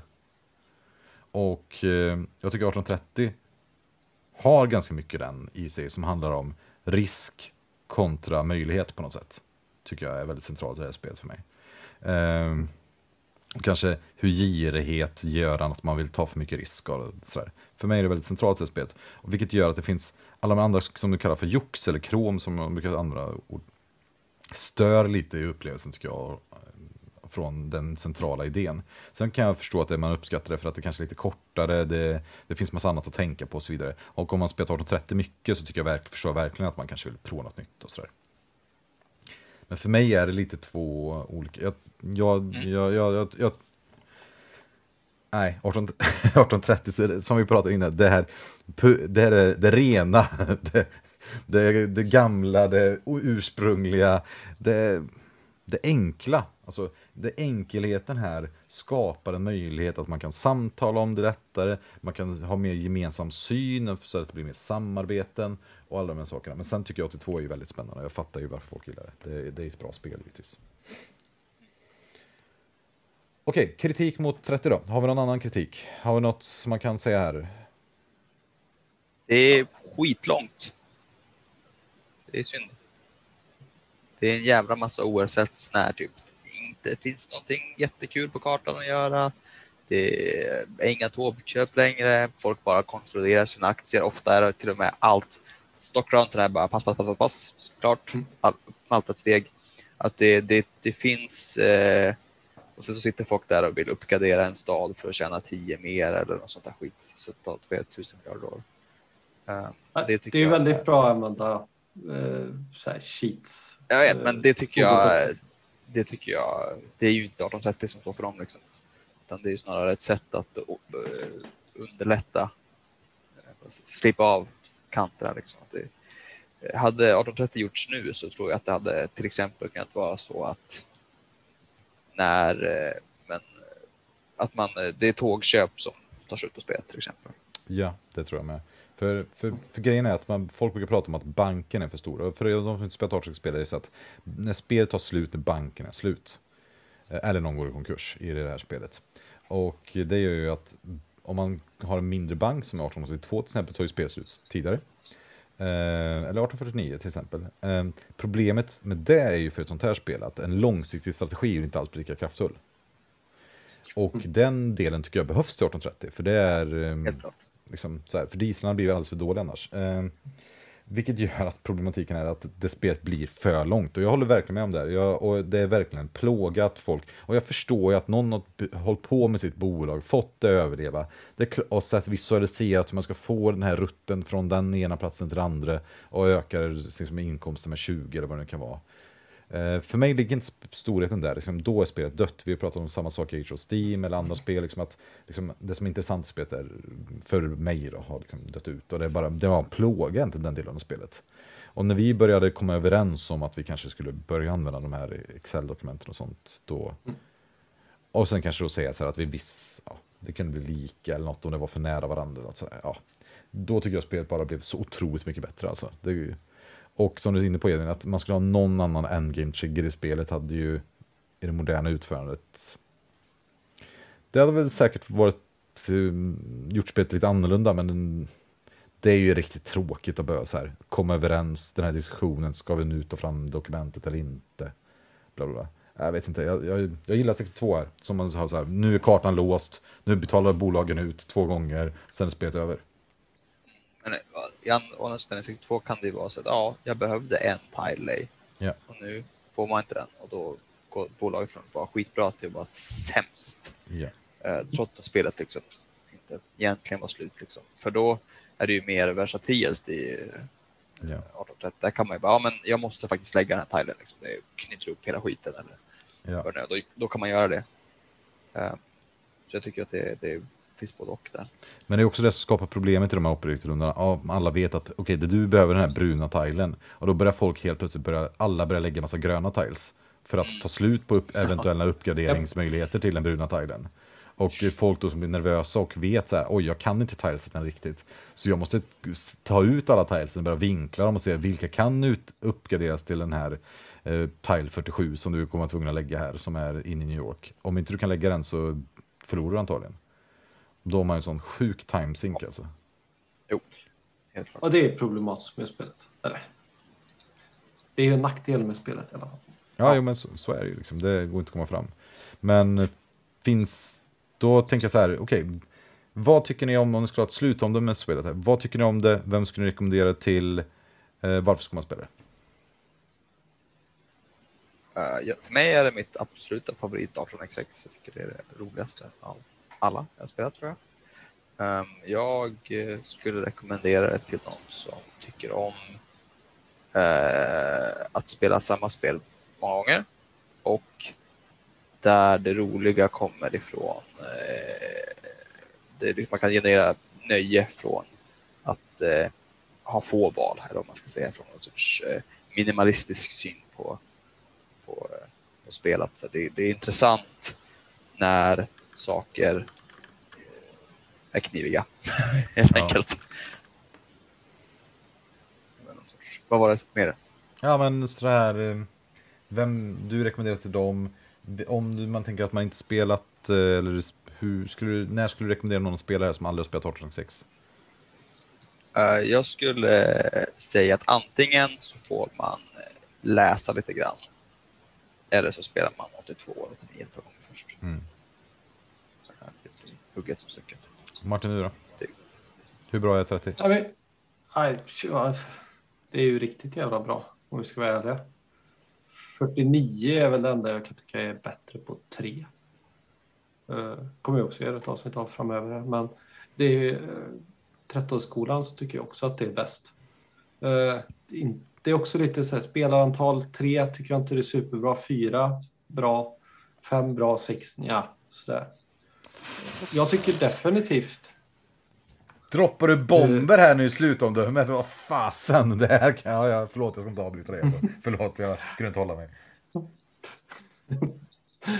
Så har jag bara spelat det på sex online och det är kanske det som gör det ännu sämre asynkront. Jag har aldrig spelat det live, sex på bordet. Uh, men jag tänker, självklart kan du börja ta upp det här som ditt första spel. Jag tror, du, jag tror hon är inne på någonting. Om det här inte är ditt första spel så borde det vara ett av dina första 5, 18, X6, kanske andra, tredje spel om du nu inte har tillgång till det. Men det är någonting som behöver spelas tidigt för att liksom Ja, man måste ju uppleva Vanilla för att inse att man vill ha kolasås ibland. Liksom. Det ligger något i det. Okay. Sen eh, ofantligt roligt spel att utforska tillsammans med en ny grupp, men en liten eh, lärare första gången som kan lära upp en. Det gäller nog vilket 18x6 du plockar fram, men du kan tjäna ofantligt mycket på att ha någon som kan förklara saker för dig i 30 minuter så gör det spelet väldigt mycket bättre. Ja, och jag, jag, får ju, vi, jag ska bara råda, vi försöker ju ofta få kritik till vår podd på något sätt. Och en av kritikerna är att vi inte fegar på att uh, förstöra vår struktur i våra avsnitt för ett intressant ämne. Det fick vi här veckan. Mm. Det, det, är i alla fall en som har sagt det, att vi är lite röriga. Men lite Så jag tänker hoppa in i mitt omdöme här och kort prata om spelarantal.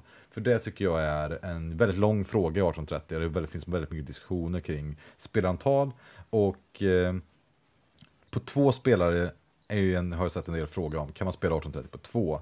Eh, min starka åsikt är ja för att lära dig reglerna. Inte för att eh, avnyttja spelet. På tre så läste jag ju mycket om, för jag skulle spela på tre flera gånger tänkte jag. Eh, och vi har spelat massa gånger på tre. Så, och jag kommer ihåg att J.C. Lawrence återigen tipsar om att det är ganska bra att lära sig liksom eh, innebörden i spelet på något sätt. Och jag älskade att lära mig liksom, och upp utforska systemet på tre. För att just av den enkla anledningen att på tre spelare är det enklare att se vilka konsekvenser som blir av ens egna handlingar i spelet. Och du har mycket mer kapital. För att till skillnad från många andra spel så är det, många av de flesta 18xx-spelen är att om man att spelarsumman som delas ut på spelarna är fast. Så är vi två spelare, vi säger att det är 1000 spänn, då får vi 500 var. Är vi fyra spelare, då får vi 250 var. Vilket gör att på tre spelare har du då 33% var av startkapitalet, vilket gör att du har mycket mer pengar att röra dig med. Vilket gör att du blir mycket friare, du kan utforska mycket idéer när du har mer pengar. Vilket är ett sätt att spela spelet på. Vilket också gör att sexspelarspelet blir extremt annorlunda, för då har du inga pengar. Och det är nämligen så att ingen har råd att starta sina egna företag i spelet. Vilket gör att man måste hjälpa varandra. Och det vi pratade förut om att det är läskigt att lita på varandra och hjälpa varandra. Helt plötsligt så har man ett helt vansinnigt spel om samarbeten i en fruktansvärd eh, kapitalistiskt marknadssystem där alla bara försöker gaina på varandra och gamea varandra. Det är jätteintressant, det är helt vansinnigt spel helt enkelt tycker jag. Eh, fem spelare. Ganska vanilla för 1830. Funkar väldigt bra tycker jag på fem spelare spelet. Stabilt bra spel. Fyra bästa fyrspelspel som finns. Överlägset bästa fyrspelspel som finns. Alltså, fyrspelsspelet är sweet spoten på det sättet att man har inte total kontroll över spelet. Man måste samarbeta ibland, eller ganska ofta. Men du kan också göra mycket påverkan själv på spelet. Du kan påverka ekonomin, du kan påverka stora delar av spelet, men du har inte total kontroll. Och jag tycker att eh, det här spelet ska man spela någon gång i sitt liv om man är intresserad av spel där man får chansen att prova sina egna kreativa idéer om ett spelsystem. Alltså när man, om man uh, möter ett eurospel till exempel som Agricola eller någonting och man tänker så här, oj, trä verkar bra, men hur bra är det? Det är väldigt svårt att testa exakt hur bra det är, för att det finns massa olika yrken som påverkar de här sakerna och sånt. I 1830 finns det knappt det. Så det man får fundera så här, okej, okay, men hur bra är New York Haven som startbolag? Så kan man börja utforska det på olika sätt. Är man intresserad av att utforska system så tycker jag att 1830 är helt fantastiskt. Och även om man gillar då interaktion på något sätt. Um, ja, jag, jag, jag, jag, tror att den enda gången man inte ska spela det här spelet, det är om man har någon slags, om man är ärrad från eh, sin uppväxt på något sätt. Och är rädd för situationer som kan kräva att man någon gång tänker matematiskt. Det har vi glömt att prata om idag, men en stor del av många skräck inför de här spelen har ju varit ibland, tror jag, det är min på, att det ska vara väldigt matematiskt. Alltså att man gör väldigt mycket matematiska övningar när man spelar i spelet. Men man kommer väldigt långt med våra tabeller som man skriver ut och några enkla överslagsräkningar på en, på en, på en miniräknare och spela på magkänsla. Är man helt ärrad och tycker att det är jättetråkigt att tänka på avkastning, hur man ska få bäst investeringar och så vidare. Och hur man ska gilla någon slags effektivitetstänk. Då, tyck, då är det ingen idé att spela Det är helt ointressant. Det är, det är, för, mycket, det är för mycket saker att tänka på. Är man, o, är man ointresserad av, av att förstå andras position, position i ett spel och vill mest tänka på sin egen position, då är det en mardröm. För det är inte bara att det är tråkigt, man förstör antagligen spelupplevelsen för de andra också. Um, men eh, är man intresserad av spel som är djupa, som är, då, då tycker jag så här, det här är som en, vad vet jag, eh, vad heter den, Old Man of the Sea, eller eh, det är som en film av Stanley Kubrick eller någonting. Liksom. Att någon gång i sitt liv kanske man får ta uppleva någonting av de här traditionella klassiska verken som folk har sett i alla tider och pratat om. Har man aldrig någonsin hört någonting från Bibeln så kanske det är dags att prova det till exempel. Mm. Nu kanske jag inte ska jämföra just med Bibeln eller det. Skriven av Fresh Trash och Gisel Lawrence. Nej men jag vet inte. Jag tycker att eh, det finns liksom inget, är man intresserad av brädspel så tycker jag det är självklart att prova det någon gång. Sen att spelet i sig kanske är först riktigt bra när man spelat det tre gånger. Men så är det med alla djupa spel. Jag, det ser inte. Ja, om man ska prata betyg, jag kollar på min BG, det här var en av de första tio jag satt. De pratar ju om att en kärlek inte var för evigt, men det här är ju underbart spel alltså. Det har sina brister precis som ens partner. Man hatar vissa delar av dem liksom. Men man kan inte leva utan dem och de är alldeles underbara. Liksom. End of Rant 1830, världens bästa spel, köp det. Jag har ett extra kopia, ni, ni kan få låna det. Har, vad, vad säger ni, har ni någon slutkommentar om 1830 eller ska vi bara lämna vind för våg och... Ja, men jag sätter också en tia på det här. Det är ju andra spel jag sätter en tia på under våran poddresa. Det är nog ett av de få spel jag faktiskt gör det på. Ja, för jag blev intresserad när, när Edvin sa att det var hans favorit 18xx-spel. Tänk så här, Mm. men kan han ha något annat spel som är bättre än något 18xx-spel? Nej. Nej, det var favoritspel, punkt. Okej, ja det... det... Är min enda tia. Tätt följt av Container 9,5. Det är ändå, det gillar man ju ändå. Det, då ska man ju göra lite reklam här också. Jag har hört rykten om att vi på vårt event som kommer här på Tunkon ska spela 18.30 på ett eller två eller tre bord på söndagen. Det låter nice. Ja, det är på. Ja, Vilket spelantal hoppas ni att ni hamnar på? Fyra. Ja, det gör jag nog också. Men det är nog mer för att vi är hemma hos mig och jag känner att jag har ett så här världsuppdrag som jag behöver kunna hålla koll på samtidigt. Alltså, Jag har jag, aldrig spelat det live på sex, så det är jag riktigt sugen på. jag, jag kan ju tänka att öppna upp för att spela det på fyra som sex. Mm. Så, så länge man kör ut eh, någon går i konkurs snabbt så gillar man Nej, men nej, Jag är så jäkla peppad. Jag är, varför inte? Det un, eh, vilket underbart spel. Alltså. Ja, vad ska vi göra nu då Martin? Nu ska vi tacka för den här gången. Sen ska vi ha en kort paus och sen ska vi göra introt. Eh, Vi ska göra vad vi har gjort sen sist och lite poddnyheter. Okej, men då vill vi ju avsluta med att tacka Edvin för att du har varit här idag och pratat, tagit dig tid att prata med oss om 1830. Men också för att vi tycker att det är väldigt roligt att eh, du har varit med och eh, driver vår Discord-kanalen. Ja, du gör ju ett ofantligt bra arbete där. Ja, men eh, det är ju, jag pratade med Martin häromdagen, det är ju väldigt tydligt så här att Discord-kanalen är ju liksom inte, det är ju inte jag och Martin, det är ju alla andras. det, är Ja. en plats folk hänger. Kan du, kan du inte beskriva vår Discord-kanal för folk som har lyssnat? Det kan vara, det kan vara bra. Du är ändå eventuellt vår mest aktiva medlem, med eh, Björn till exempel just nu. Ja, men det är en Discord-kanal skapad av eh, Tunga brädspelspodden där man kan eh, spela, snacka goja, baka, diskutera surdegs eh, starters och eh, räta linjer till eh, högt i tak och ingen begränsning på eh, ämnen överhuvudtaget. Hoppa med om ni har Discord. För du är ju Discord-nörd, jag vet ju det. Hur skiljer Ja. den sig mot andra liksom? Den är på svenska. Ja, för det måste ju ändå vara väldigt stor skillnad här. Ja, jag tycker att det är det som är absolut eh, största plusset är att eh, väldigt många är väldigt aktiva och far runt och spelar 18xx men också går på tysk helg eller liksom att man faktiskt träffar eh, de som är på discorden och har, liksom man kan träffa dem på riktigt. Det är ju hur jävla ballt som helst. Det känns ju som att, eh, ska man säga, min eh, eh, upplevelse av 18xx Sverige har ju verkligen bara skjutit i höjden tiofalt sedan jag började här. För nu, eh, liksom, man träffas ju ändå på eventen, eller det gjorde man innan. Ja. Men nu har man ju lite interaktion emellan där man kan snacka spel och annat.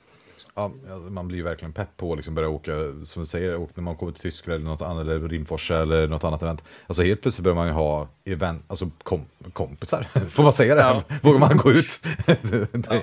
Ja, men exakt. Det känns som att man, man träffar kompisar igen liksom, varje gång. Det är hur, eh, hur trevligt som helst verkligen. Sen får du slå ett slag för, är det någon, vi, vi behöver någon extra League of Legends-spelare också, behöver vi inte det? Edvin? Just det. Ja, det finns Anmäl intresse. Anmäl intresse, ja. Det finns, vi behöver folk här. Ehm, ja, Martin, har du några slutord att säga här? Nej, ja, tack Edvin att du ville vara med. Jättekul. Tack själv. Eh, ja, som sagt var, roligt community. Eh, jag är mer lurker än provoker. Så välkommen in och hej. Okej, ja, du får ha det så bra Edvin, och så eh, hö- hörs vi. Tack för idag, Jätte- Hej hej. hej. Det ska sägas att jag inte syftade på Edvin som provoker utan Erik.